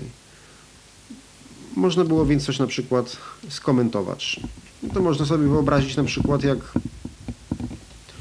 jak y, byłby, nie wiem, film i nagrywamy do tego, nagrywamy do tego lektora. Ten magnetofon miał też możliwość nagrywania synchronicznego przy podsłuchu z drugiej ścieżki. W nowszych magnetofonach, jak już powiedziałem, stereofonicznych przede wszystkim, o, przede wszystkim, o których powiem jeszcze, był odpowiedni przełącznik, który włączał podsłuch drugiej ścieżki. Przy nagrywaniu na określonej, tutaj nie, tutaj było drugie wyjście liniowe, o którym też już wcześniej wspominałem i trzeba było przełączyć kabel, tak więc niezbędne wówczas było połączenie na przykład z jakimś odbiornikiem radiowym. No w niektórych wystarczyło założyć słuchawki i można było y, słyszeć. Tutaj proszę Państwa wejścia na słuchawki w ogóle nie, wyjścia na słuchawki w ogóle nie było.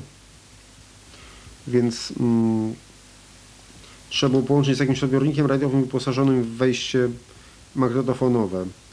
A w większości odbiorników domowych, stacjonarnych, a nawet w niektórych przenośnych, takich na przykład Jowita, takie, wejście, takie wejścia były, bo z tego się głównie nagrywało. No oczywiście też nie tylko, bo nagrywało się też z płyt gramofonowych, umawiało się też z ludźmi, w sensie jeden do drugiego chodził z magnetofonem i przegrywał z czyjegoś magnetofonu na swój albo odwrotnie. Tak więc nie było to tak jak teraz, że można było sobie, że były magnetofony dwukasetowe, znaczy tak jak teraz, ciężko powiedzieć teraz. Nie było tak jak w 90 latach, że można było poszyć sobie kasetę i przegrać z kasety na kasetę, tylko no, trzeba było iść do kogoś, kto miał magnetofon albo z kimś się umówić, no i trzeba było spędzić u tego kogoś tyle czasu, ile trwało nagranie podczas tego nagrywania. No też było tak, że jako, że sprzęty były wadliwe, też niechętnie ludzie pożyczali czyjeś, pożyczali swoje kasety, tudzież taśmy, czy, czy płyty winylowe, czy cokolwiek. Częściej wydaje mi się, że było tak, że udostępniali w ten sposób, że, że ktoś chodził i, i przegrywał bardziej u tego kogoś od kogoś, albo ktoś mm, przychodził, no bo, no bo tak, żeby... No często było tak, że na przykład jak ktoś miał mniejszy magnetofon, to ten, który miał mniejszy, to przynosił. Nie było... Mm, raczej ciężko sobie na przykład było wyobrazić, jak na przykład ktoś miał jakąś zachodnią płytę dobrą i miał dobry gramofon, a ktoś inny miał na przykład no, słaby gramofon, no to raczej nie pożyczył tej płyty komuś, kto miał słaby, żeby tej płyty nie zniszczyć, tylko dawał czystą taśmę i przegrywał, przegrywała, przegrywał to właściciel płyty. Przynajmniej miał to na swoim i wiedział, że nic się z tą płytą nie stanie. Podobnie też było, proszę Państwa, z taśmami szpulowymi albo kasetami magnetofonowymi, że mm, też y, no, raczej było tak, że to właściciele przegrywali komuś, aniżeli, aniżeli pożyczali do przegrania. Tak więc, jak już powiedziałem, po podłączeniu w inne miejsce kabla, czyli do innego wyjścia liniowego w magnetofonie, dźwięk z magnetofonu słyszany był, słyszalny był w zewnętrznym, słyszany, słyszany był w zewnętrznym wzmacniaczu y, z przeciwnej ścieżki do aktualnie ustawionej i można było odpowiednio nagrywać materiał na drugiej, słuchając pierwszej i odwrotnie, a później je razem włączyć. Te trzy omówione przeze mnie modele, przypominam, ZK140, 140T i 145 były już czterościeżkowe, były również na licencji y, konstrukcyjnie oparte na licencji niemieckiej firmy Grundig, a któryś z nich był żywcem jego kopią, ale nie wiem który, możliwe nawet, że wszystkie, ale głowy nie daje. Tak więc tutaj pojawia się zapis, proszę Państwa, czterościeżkowy, co wydłuża, co zwiększa dwukrotnie czas zapisu na jednej szpuli, więc jeżeli się miało coś nagrane w trybie dwuśladowym, no to trzeba było odpowiednio to, to trzeba było odpowiednio to um, ustawić wtedy, wtedy te, na tą ścieżkę tam była jako 1.3. Czy w ogóle w tych ZK 140, 140T i 145 tam w ogóle chyba było pisane jako 1.2 i 3.4. To jeszcze tak jakoś to, to się niczym nie różniło, to się tylko różniło proszę Państwa nazewnictwem tak naprawdę. Chociaż może to 1.3 i 2.4 to później jak były te stereofoniczne magnetofony, to żeby było łatwiej, to tak oznaczano, ale generalnie zawsze chodziło o odbiór mm, tych samych, mm, tych samych ścieżek, jeżeli chodzi o odbiór na danej taśmie, no bo inaczej to by się proszę Państwa nie odtworzyło w żaden sposób. Tak więc... Mm, tak więc wtedy trzeba było no to 1.2, tudzież 1.3 ustawić, a jak się ustawiło na 2.4 lub 3.4, no to mieliśmy mieliśmy nagranie do tyłu. I przypominam, że albo kasety, znaczy szpule oryginalne, jeżeli w ogóle były, trochę było, ale jeżeli w ogóle się zdarzały, to były albo nagrane właśnie w trybie dwuśladowym, albo były nagrane w trybie czterośladowym na stereo, czyli no nigdy nie było tak, że nigdy nie było tak, że mm, żeby odebrać mm, Nigdy, nigdy, proszę Państwa, nie było tak, że, mm, że było coś nagrane na, na każdej ścieżce, żeby było co innego. No bo jakby ktoś miał magnetofon monofoniczny, czy dwuścieżkowy, no to na, na, na 2, 4, tu gdzieś 3, 4 nie mogło być X nagrane, bo by tego nie odtworzył. A jak miał czterościeżkowy, to zawsze stosowną ścieżkę wybrał i dało radę odtworzyć. No i też standard był taki, że nagrywane były taśmy oryginalne, no przynajmniej te, które ja widziałem, były nagrywane na 9,5. Ja oczywiście nie mówię o taśmach wydawanych na zachodzie oryginalnych, bo wydawane oryginalne na zachodzie to potrafiły być nagrywane na 19 i zapis potrafił być na całej szerokości taśmy, ale nie rozmawiamy o zachodzie, tylko o Polsce. Kolejnym zasługującym na uwagę magnetofonem jest magnetofon może nie y, skopiowany już, ale na pewno mechanizm jest oparty konstrukcyjnie na licencji Grundiga i to jest model ZK146. Pozostawiono nadal prędkość przesuwu taśmy 9,5 cm na sekundę oraz nadal brak możliwości założenia szpul o średnicy 18 cm. Dopuszczalne najpopularniejsze piętnastki, ale co ciekawe, magnetofon był już na stereo. I teraz informacje z legend PRL-u. magnetofon szpulowy ZK-146, stereofoniczny, yy, czterościeżkowy oczywiście, producent zakłady radiowe imienia Marcina Kasprzaka, Unitra, ZRK Warszawa, ZK-146 to popularny magnetofon stereofoniczny powszechnego użytku. Urządzenie umożliwia zapis dźwięków z mikrofonu, odbiornika radiowego, gramofonu lub innego magnetofonu, odsłuch własnego zapisu lub wykonanego na innym magnetofonie jest możliwy za pomocą wbudowanego głośnika, głośników zewnętrznych, tudzież znaczy właśnie kolumn głośnikowych zewnętrznych lub słuchawek. Magnetofon może pracować też jako wzmacniacz dla urządzeń nieposiadających własnego wzmacniacza,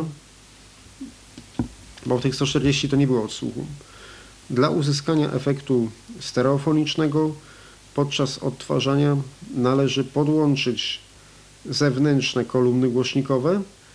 Ewentualnie możemy posłużyć się jedną kolumną, która będzie pełniła, która będzie pełnić funkcję lewego kanału, natomiast prawy kanał będzie odtwarzany przez głośnik wewnętrzny magnetofonu. I teraz proszę Państwa, nie wiem jak jest, jeżeli się jeżeli by się w ogóle tych kolumn nie podłączyło, ale taki magnetofon mam na oku. Jeżeli okaże się, że będzie sprawny i uda się go, lub uda się go doprowadzić do akceptowalnego stanu, to na pewno go Państwu zaprezentuję i sprawdzę, jak to jest właśnie, bo może, może jest tak, że jeżeli się podłączy podłączy do lewego głośnika głośnik zewnętrzny, to wtedy tylko w prawym słychać prawą, a w lewym lewą, a jeżeli się odłączy, to, to znaczy nie, nie w, czy w środku lewą w sensie, a w tym zewnętrznym prawą, a jeżeli się odłączy, to obie słychać. Mm, obie słychać y, w, y, w głośniku wbudowanym. No tak powinno to być, jak jest nie wiem. Magnetofon ZK-146 produkowano w pierwszej połowie lat 70. Dane techniczne Y, zasilanie z sieci 220 V, pobór mocy sieci 50 W, y, znamionowa moc wyjściowa, wzmacniacza, znamionowa, nie, znamionowa moc wyjściowa wzmacniacza 2 razy 5 W, sinus, pozycja pracy pozioma, prędkość przesuwu taśmy 9,5 cm na sekundę, maksymalna średnica szpuli 150 mm, Pasmo przenoszenia 40, od, od 40 do 12500 Hz. Dynamika 46 dB.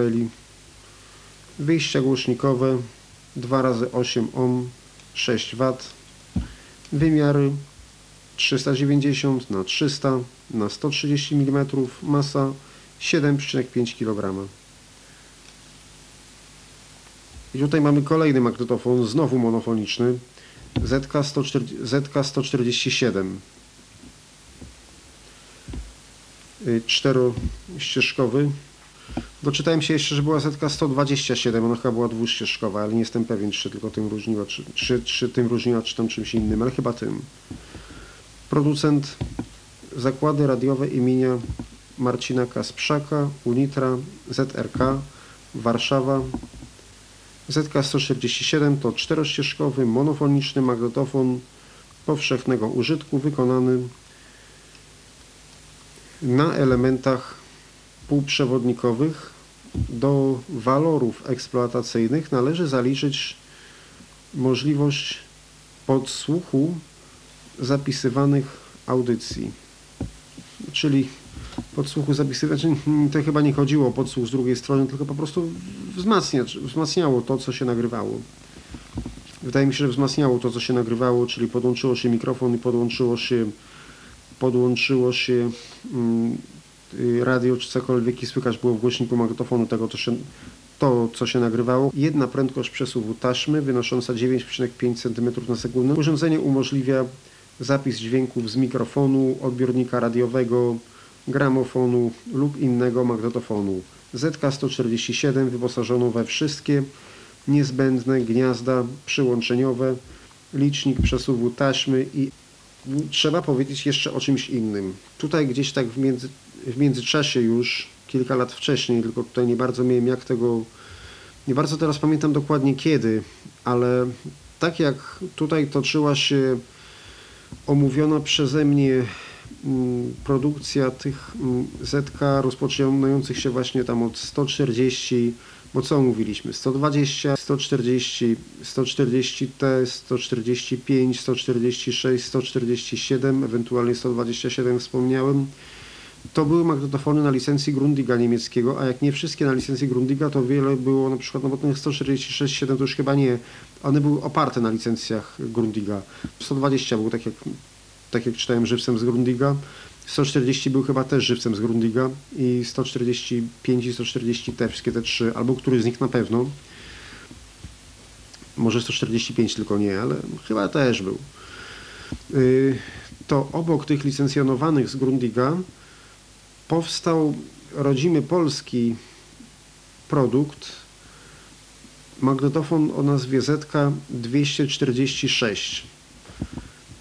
Tam już nie było żadnych kluczyków sterujących, jak były w tych Grundigach, tylko były klasyczne przyciski.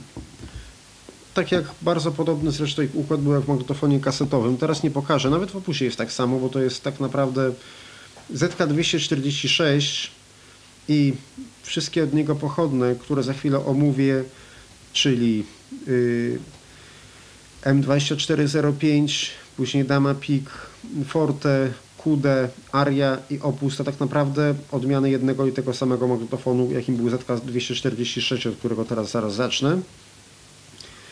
I ten magnetofon, proszę Państwa, układ klawiszy miał bardzo podobny do kasetowych jamników. Z tym wyjątkiem, że nie było, nie było tak jak w jamnikach, że pauza, stop, przewijanie do przodu, przewijanie do tyłu, start, nagrywanie, tylko było tak. Nagrywanie, stop, przewijanie do przodu, przewijanie do tyłu, start, pauza. O tak się tylko różniło. I ja niby się do, niby czytam, że to jest rodzimy produkt, aczkolwiek wydaje mi się, że ja nie wiem, czy no może nie, nie mówię o, o licencji od razu jakimś, żeby to jakoś tam oparte było konkretnie na jakiejś mechanice. Niemniej jednak podejrzewam, że Polacy się trochę wzorowali na Philipsie, żeby to... Myślę, że Kasprzak się na Philipsie wzorował, jak mm, produkował, mm, zaczął produkować to ZK 140, 246, przepraszam, bo to od 140 na licencji Grundiga, a tutaj to wydaje mi się, że z Philipsa wzięto tego Kasprzaka.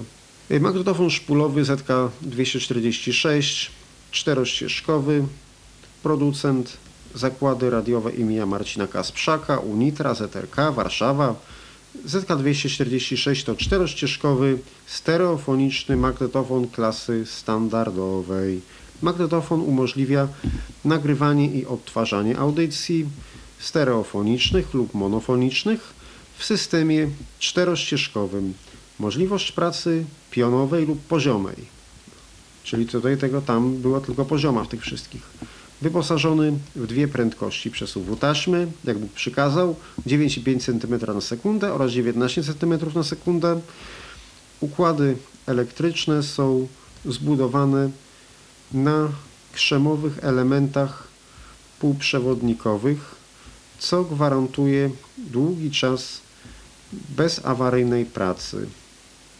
Producent zapewniał, że parametry elektryczne magnetofonu ZK246 są takie same jak w sprzęcie klasy standard produkowanym przez znane firmy jak Grundig, Telefunken i Philips. Dlatego mi się, proszę Państwa, wydaje, że oni, oni coś tutaj z Philipsa myślę, że wzięli. Przynajmniej koncepcję.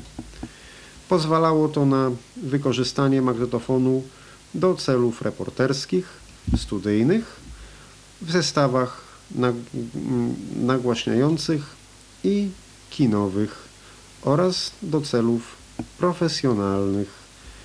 No, ja akurat miałem, proszę Państwa, i przez wiele lat pracowałem na magnetofonie M2405, który się konstrukcyjnie niemal niczym nie różnił, a jeżeli o wygląd, to miał tylko tyle, że miał inne klawisze, miał dwa wskaźniki wysterowania, a nie jeden. No i troszeczkę inną obudowę miał, mm, no ale generalnie Ustawianie tam prędkości czy ścieżek to było identyczne, też rozmieszczenie suwaków jak, jak w tym 246. No i no muszę przyznać, że magnetofon był przyzwoity. Magnetofon wyposażono w wiele funkcji, podsłuch przy zapisie, szybkie zatrzymanie, stop, zapis synchroniczny, playback i multiplayback. No playback to po prostu jest tak, że mm, z, tego, tak, z tego co wnioskuję, playback to jest właśnie tak, żeby słyszeć to, co się nagrywa na poprzedniej ścieżce, nagrywając na drugiej, a multiplayback to, żeby przegrywać to, co się nagrywa, żeby przegrywać to, co się nagrywa na drugiej z możliwością dogrywania kolejnych materiałów, to tłumaczyłem o tej perkusji gitarze. No to tak samo, proszę Państwa, jak było w... Jeżeli ktoś z Państwa widział Olympusa LS100, to Olympus LS100 ma takie opcje właśnie, że możemy albo nagrywać mm, w trybie wielościeżkowym w Olympusie LS100, albo nagrywać normalnie, albo nagrywać z podsłuchem y, jakieś, jakiegoś innego nagrania, albo nagrywać z przegraniem poprzedniego nagrania w tle. Ponadto, dlatego jak ja sobie kupiłem Olympusa LS100 w 2012 roku, to od razu przyjął mi się ten ZK246, ale to szczegół. Znaczy właściwie 2405 Forte, bo to miałem. Dlaczego się nazywał Forte i co tam było, to jeszcze za chwilę. Ponadto w urządzeniu zastosowano licznik przesuwu taśmy oraz wyłącznik przy stosowaniu taśm zmetalizowanymi końcówkami. No to te, ten wyłącznik to po prostu jak na te metalizowane końcówki wyciskał się po prostu start. A tam w tych na licencji Grundiga, gdzie były te kluczyki sterujące, to było jakoś tak to skonstruowane, że wyłączał się w ogóle jakby z sieci. Czyli po prostu wyłączał z prądu zupełnie cały mechanizm. A tutaj tak, że po prostu się przycisk wyciskał mechanizm, silnik chodził w sensie i tak dalej, był normalnie włączony. Magnetofon produkowano, a tak jakby się ktoś, jak, jakby sobie skojarzyć, nawet tym 145 tak pamiętam, że miałem, że jak się magnetofon kończył, jak się kończyło nagranie, to, to tak jakbym prąd odłączył. Magnetofon produkowano w pierwszej połowie lat 70. No czyli tutaj są jakby takie dwie linie produkcyjne, no bo najpierw tutaj produkowano te 140, te prostsze na licencji Grundiga, a tutaj ten ZK240 stereo, 246 stereofoniczny. I tutaj, nie pamiętam czy tutaj wspomniałem o tym, czy tutaj było, czy nie. W każdym razie dopowiem. Dopuszczalna średnica szpul oczywiście 180, oczywiście 18 cm, a w tamtych też tego nie było. Dane techniczne. Zasilanie z sieci 220V, pobór mocy sieci 80 W, znamionowa moc, wejś, wejś, znamionowa moc wyjściowa wzmacniacza 2 razy 5 W, dostęp, dostępne prędkości przesuwu taśmy 9,5 cm na sekundę i 19 cm na sekundę, pasmo przenoszenia przy prędkości 9,5 cm na sekundę od 40 do 16 tysięcy Hz, pasmo przenoszenia przy prędkości 19 cm na od 40 do 18 tysięcy Hz. Dynamika 48 dB, wymiary 440 na 340 na 170 mm, masa 12 kg. Jeszcze była wersja monofoniczna tego magnetofonu ZK246 o nazwie 240, niczym się nie różniła, tylko tyle, że była na mono.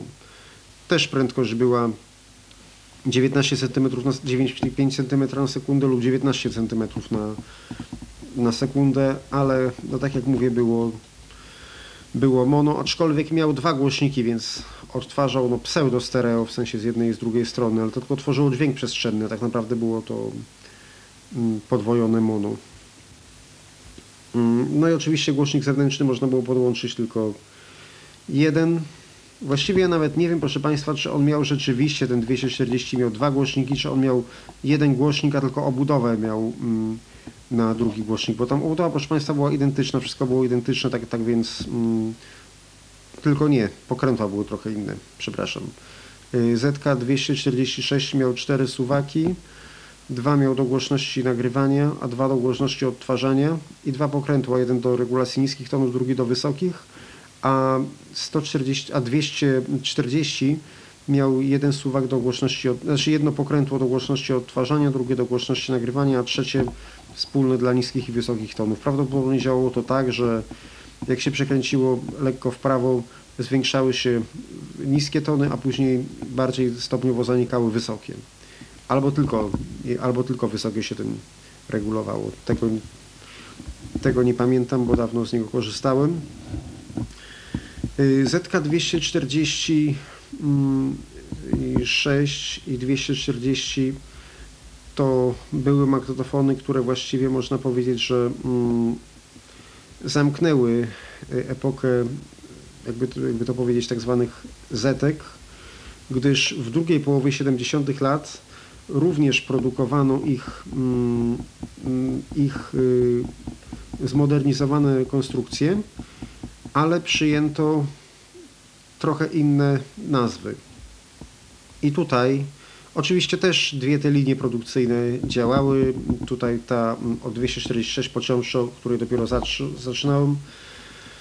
I też te na licencji Grundiga jeszcze powstało mm, kilka modeli, aczkolwiek już proszę Państwa mniej, gdyż później już w 80. to się skupiono na tych magnetofonach z serii, mm, z serii ZK200 40. Mam nadzieję, że nic nie mieszam. Chyba nie. I teraz tak. Magnetofon szpulowy yy, na licencji Grundiga po zamknięciu epoki Zetek w drugiej połowie lat 70.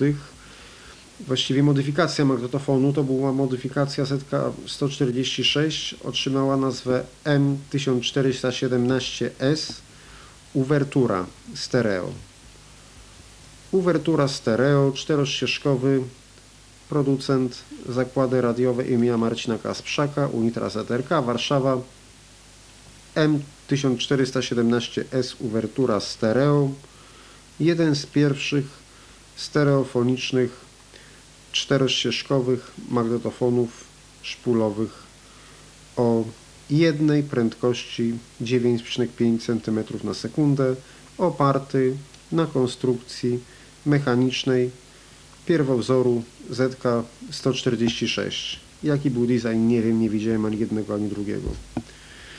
Była jeszcze jedna uwertura, która, mm, bo jedna z tych uwertur umożliwiała tylko poziomą pozycję pracy, a druga poziomą i pionową. Poziomą i pionową. Nie wiem jak się nazywał drugi model i nie wiem, która umożliwiała co.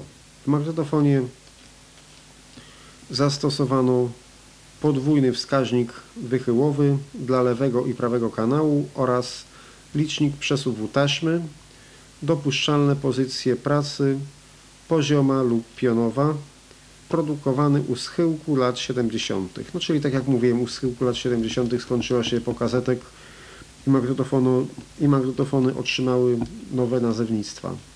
Jaki to był model? Jeszcze raz to był M1417, chyba 1000 1317 miał, mm, mm, albo ten jakiś drugi, nie, nie wiem jak się ten drugi model, proszę Państwa, nazywał, albo 300, albo 217, który nie miał właśnie tego, który nie miał, mm, który mógł prasować tylko poziomu. I tutaj mi się wydaje, że już, że już z magnetofonów na licencji Grundiga byłoby tyle. To by było na tyle i teraz jeszcze kilka magnetofonów mm, z serii właśnie, mm, które wyewoluowały z ZK246.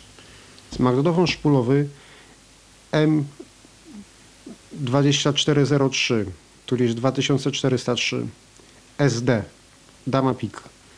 D oznacza, że był bez wzmacniacza, czyli typu deck, bez głośników. Czterościeżkowy, producent Zakłady Radiowe imienia Marcina Kasprzaka, Unitra, ZRK Warszawa, M2403 SD Dama, Dama PIK, magnetofon stereofoniczny typu DEC przeznaczony do domowego użytku. Umożliwia nagrywanie i odtwarzanie dźwięku stereofonicznego lub monofonicznego w układzie czterościeżkowym. W magnetofonie zastosowano m.in. dwie prędkości przesuwu taśmy 9,5 cm na sekundę i 19 cm na sekundę. Wskaźnik wychy wskaźniki wychyłowe dla lewego i prawego kanału oraz licznik przesuwu taśmy. Dopuszczalne pozycje pracy pozioma lub pionowa, maksymalna średnica szpul 180 mm, więc 18 cm, czyli wszystko w porządku. Ciężar urządzenia to około 12 kg. Magnetofon produkowany u schyłku lat 70. Kolejny magnetofon szpulowy y, to będzie M2405S Forte, czyli to co ja miałem. Z własnego doświadczenia mogę powiedzieć, że wizualnie jest niemal identyczny ZK246, tylko że 246 miał jeden wskaźnik wychyłowy chyba dla obu kanałów, ten ma dwa. Układ suwaków pokręteł jest taki sam. Kiedyś o nim opowiem. Tutaj, jak sama nazwa wskazuje, nie ma SD, więc jest, D, jest, jest, jest, tylko, jest tylko S, więc mm, są głośniki jak najbardziej. Forte pewnie dlatego, że ładnie grał przez te głośniki głośno, czyli Forte głośno. Myślę, że to chyba to z tego się wzięło. 2405S Forte Hi-Fi czterościeżkowy producent zakłady radiowe imienia Marcina Kasprzaka oczywiście, Unitra, ZRK Warszawa magnetofon szpulowy M2405 jest następcą M2404S. O, tutaj o nim nie ma, nic nie znam 2404S i wcześniejszego ZK246. O, sprzęt z biegiem czasu przechodził drobne modyfikacje. nie chodzi o ten 2405, tylko ogólnie właśnie o te wszystkie. Wcześniej produkowany z jednym podwójnym wskaźnikiem, czyli ten 246 wysterowania czyli ten 246 miał właśnie jeden wskaźnik, 2404 nie wiem, bo nie widziałem, a ten y, ma dwa oddzielne dla każdego kanału, wskaźniki wychyłowe. Zmiany obejmowały również wygląd zewnętrzny i, modyfik i wewnętrznego wzmacniacza mocy. No ale to na odbiór to nie wiem na ile to się na odbiór przekładało sam, no na pewno ten, po prostu ta konstrukcja wewnętrzna wzmacniacza musiała być jakaś inna. Produkowano z chyłku lat 70. I teraz zastosowanie. Magnetofon przeznaczony do stereofonicznego rejestrowania dźwięku z radioodbiornika, mikrofonów lub innych źródeł na taśmach o szerokości 6,35 mm oraz odtwarzania nagrań. Maksymalna dopuszczalna średnica szpul to 180 mm, czyli 18 cm.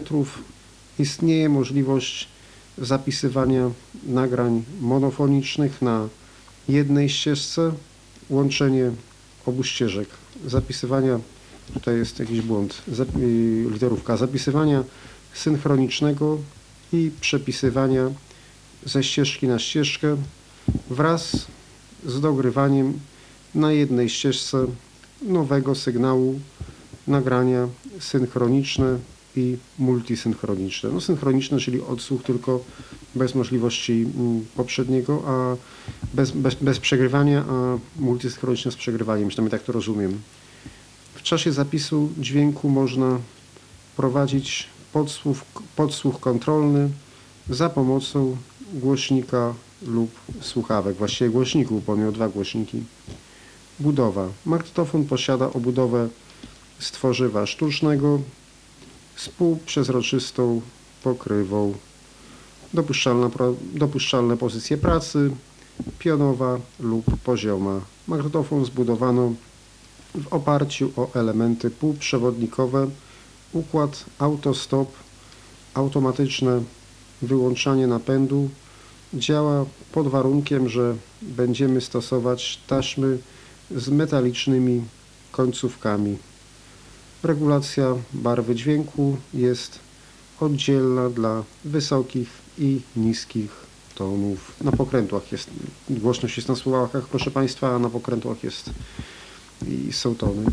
Dane techniczne, zasilanie z sieci 220V, pobór mocy sieci 80 W, znamionowa moc wyjściowa wzmacniacza 2 razy 4 waty sinus. Pozycja pracy pozioma lub pionowa. Prędkość przesuwu taśmy 19, y, 19 cm na sekundę i 9,5. Chociaż tutaj jest w ogóle jakoś dziwnie napisane, bo jest napisane 19,05 cm na sekundę i 9,53 cm na sekundę. Później się to zaokrąglało jakoś. No, Nie wiem dlaczego to tak jest, bo czasami też piszą 4,76, 4,8 przy magnetofonach kasetowych. A tak naprawdę to dotyczy jednej i tej samej. Maksymalna średnica szpuli 180 mm. Pasmo przenoszenia przy prędkości 19 cm na sekundę od 40 do 18 tysięcy Hz. Pasmo przenoszenia przy prędkości 9,5 cm na sekundę od 40 do 16 tysięcy Hz. Dynamika 52 dB. Głośniki, nie wiem, czy napisane, że 4, 8 ohmów, ale dwa były chyba. Wymiary 440 na 340 na 170 mm. Masa 12 kg. Ciężkie jak cholera, proszę Państwa. Magnetofon szpulowy M2406 QD 4CH chodzić czterokanałowy. I to jest proszę Państwa bardzo ciekawe. Stereo quadro hi-fi. To jest jedyny, jedyny magnetofon przynajmniej taki jak w Polsce jaki słyszałem, że w Polsce był. Chyba żadne, żadnego takiego innego w Polsce nie było żeby tak się mm, żeby mógł zapisywać na kwadro, jak te, o którym teraz przeczytam. I nawet z tego, co patrzę na magnetofony zachodnie, to, no to też niestety, mm, też nigdzie nie widziałem magnetofonu z zapisem kwadrofonicznych, co nie znaczy, że, że takich nie było. Wiem, że jeżeli chodzi o polskie radia na przykład, to były takie radia jak Radmor albo Cezar, które miały możliwość podłączenia czterech głośników, nawet te, nie wiem czy nie Merkury też, chyba też nawet. I to było tak, że w tamtych latach, w tamtych latach programy radiowe we Francji były nadawane w kwadro i widocznie Polacy chcieli jakoś mm, popisać się czy jak. W każdym razie nawet jeżeli chodzi o Radmora, to to jest w ogóle osobny temat, bo to jest proszę Państwa zlepek myśli technicznej zachodniej tak naprawdę. Tam było mnóstwo importowanych części z różnych firm, ale to, to jest odbiornik radiowy, nie powiedziałem, ale to na inną audycję. No ale teraz jeszcze czytam o, o tym QD. To QD oznaczało był kwadro. Producent Zakłady radiowe imienia Marcina Kasprzaka, Unitra, ZRK, Warszawa, magnetofon szpulowy M2406 QD jest rozbudowaną wersją M2405S. Opracowany w 1974 roku, produkowany seryjnie od 1977. M2406 QD to magnetofon typu DEC bez wzmacniacza mocy, o czym informuje nas litera D na końcu nazwy. Do wyboru dwa tryby odczytu, zapisu stereo i quadro. Konstrukcyjnie magnetofon niezgodny ze standardowym zapisem stereo. Magnetofon M2406QD należy do rodziny magnetofonów ZK200. Część mechaniczna została adaptowana niemal bez zmian. Zrezygnowano jedynie z niższej prędkości przesuwu taśmy i zwiększono nieco obudowę ze względu na niedopracowany mechanizm. Magnetofon borykał się z problemem nierównomierności przesuwu taśmy, który dyskwalifikował urządzenie z klasy sprzętu hi-fi. Ciekawe. Pozostawienie wyższej prędkości 19 cm na sekundę, to jest nawet 19,05 napisane, było częściowo próbą rozwiązania tego problemu. Duża prędkość nie sprzyjała jednak ekonomice, ponieważ niosła ze sobą szybkie zużycie taśm, zwłaszcza przy, przy nagraniach kwadrofonicznych dokonywanych w jednym kierunku na całej szerokości taśmy. No, czyli tutaj oczywiście można było nagrywać tylko na jednej stronie. No i nagrywał te kwadro całe. Tylko ciekawe, co by tam można było nagrać w tym kwadro, jeżeli myśmy nic w tamtych latach w Polsce w kwadro nie mieli. Inne wady konstrukcyjne to przewijanie taśmy, które mało kiedy działało poprawnie. Głowice również pozostawiały wiele do życzenia. Do tego wysoka cena i jak już wspomniałem, niemałe koszty eksploatacji w związku z dużym zapotrzebowaniem na taśmy. Zadecydowało to wszystko o szybkim wycofaniu magnetofonu z produkcji, a dzisiaj taki magnetofon, proszę Państwa, potrafi kosztować kilka tysięcy. Co kiedyś przez przypadek jakieś ogłoszenie, pamiętam, czy to było na Allegro czy na OLX-ie w 2015 roku, ale szczerze mówiąc, zobaczyłem, to się puknąłem palcem w czoło. M2406QD powstał w niewielkim nakładzie około 150 egzemplarzy i jest w tej chwili ciekawostką kolekcjonerską. Zastosowanie magnetofon przeznaczony do stereofonicznego i kwadrofonicznego zapisu dźwięku z radioodbiornika, mikrofonów lub innych źródeł na taśmach o szerokości 6,35 mm oraz odtwarzania nagrań. Maksymalna dopuszczalna średnica szpul to 180 mm. Szczerze się przyznam, proszę Państwa, że nawet nie wiem, czy, czy tam można było, ale nie, no było chyba czterościeżkowe stereofoniczne odtwarzanie też. Magnetofon posiada obudowę z tworzywa sztucznego z półprzezroczystą pokrywą.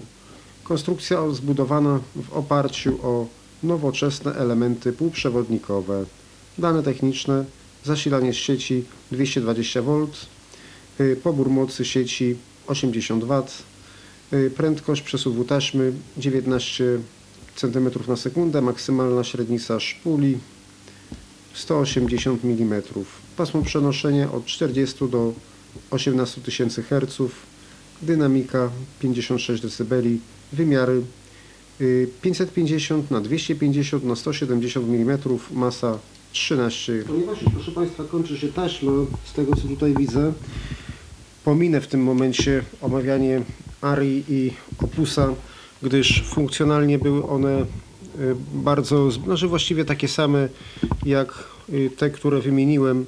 Chcę tylko jeszcze wspomnieć kilka słów o koncercie. 3201 i 3401 to były modele y, koncerta.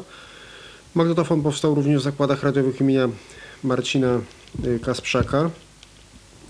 I tutaj oprę się na informacji ze strony, ponieważ na, na tamtych stronach nic nie znalazłem, highfidelite.pl. Był on całkowicie zmodernizowanym magnetofonem i takim już bardziej przypominającym magnetofony zachodnie miał wiele rozwiązań zupełnie nowych. Po pierwsze, zamiast wiecznie psującego się i rozregu rozregulowującego się systemu dźwigni, osiek, prężynek i cięgieł pojawił się mechanizm trzysilnikowy z bocznymi silnikami bezpośrednio napędzany, napędzającymi szpulę marki Pabst.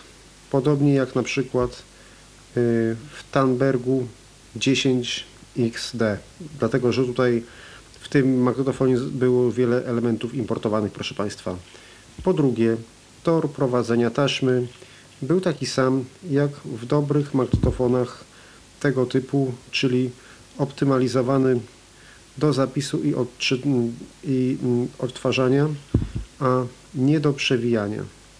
Po trzecie, zastosowano oddzielne głowice do zapisu i odczytu, co spowodowało skok jakościowy w parametrach. Po czwarte, wreszcie dla użytkowników przedkładających jakość nagrania ponad pojemność y, zapisu na szpuli produkowano wersję dwuścieżkową y, M3201, która mm, potrafiła zapisywać na stereo na całej szerokości taśmy jednostronnie. Koncert miał trzy prędkości odtwarzania 4,75, 9,5 i 19. Gdzieś to kiedyś czytałem, że też miał miękką mechanikę. I teraz proszę Państwa jeszcze tak szybko, ponieważ taśma się kończy, opowiem o dwóch japońskich magnetofonach. Jeden to będzie Akai, drugi to będzie y, TIG. TIG proszę Państwa to tak jak Technics i Panasonic, tak samo jest TIG i Tascam. Jeszcze na uwagę zasługuje marka szwajcarska Revox. Revox mm, w wyższym, y, wyższej klasie to jest, proszę Państwa, y, Studer, ale już nie zdążę ich omówić. To może Akai GX630D. Jest magnetofonem stereofonicznym, czterościeżkowym klasy HiFi typu DEC z lat 1976-1979. Sprzęt wyposażony w trzy silniki indukcyjne prądu zmiennego i system Direct Drive. W magnetofonie zastosowano trzy głowice, w tym, co bardzo ważne, uwaga, dwie szklane niezniszczalne. Głowice typu Super GX. Także jeżeli komuś bardzo warto, jeżeli komuś zależy na dobrym odbiorze, polecam zdecydowanie Akai. Niestety jest bardzo drogi, dlatego ja jeszcze go nie mam. Oraz dwie prędkości przesuwu taśmy 9,5 cm na sekundę i 19 cm na sekundę. Elektroniczny cyfrowy licznik przesuwu taśmy wykonany w technologii LED. Pasmo przenoszenia od 30 do 19 tysięcy Hz dla prędkości 9,5 i od 30 do 200 do 20, od 30 do 25 tysięcy Hz dla prędkości 19 cm na sekundę. Prasa pozioma i pionowa oczywiście. Możliwość sterowania pilotem. Magnetofon jako oryginalny japoński produkt wykonany z najlepszych jakościowo materiałów. Jest bardzo solidną konstrukcją z końca lat 70. I jeszcze proszę Państwa TIG X2000R to jeden z najlepszych magnetofonów szpulowych y, rewelacyjnej japońskiej firmy TIG.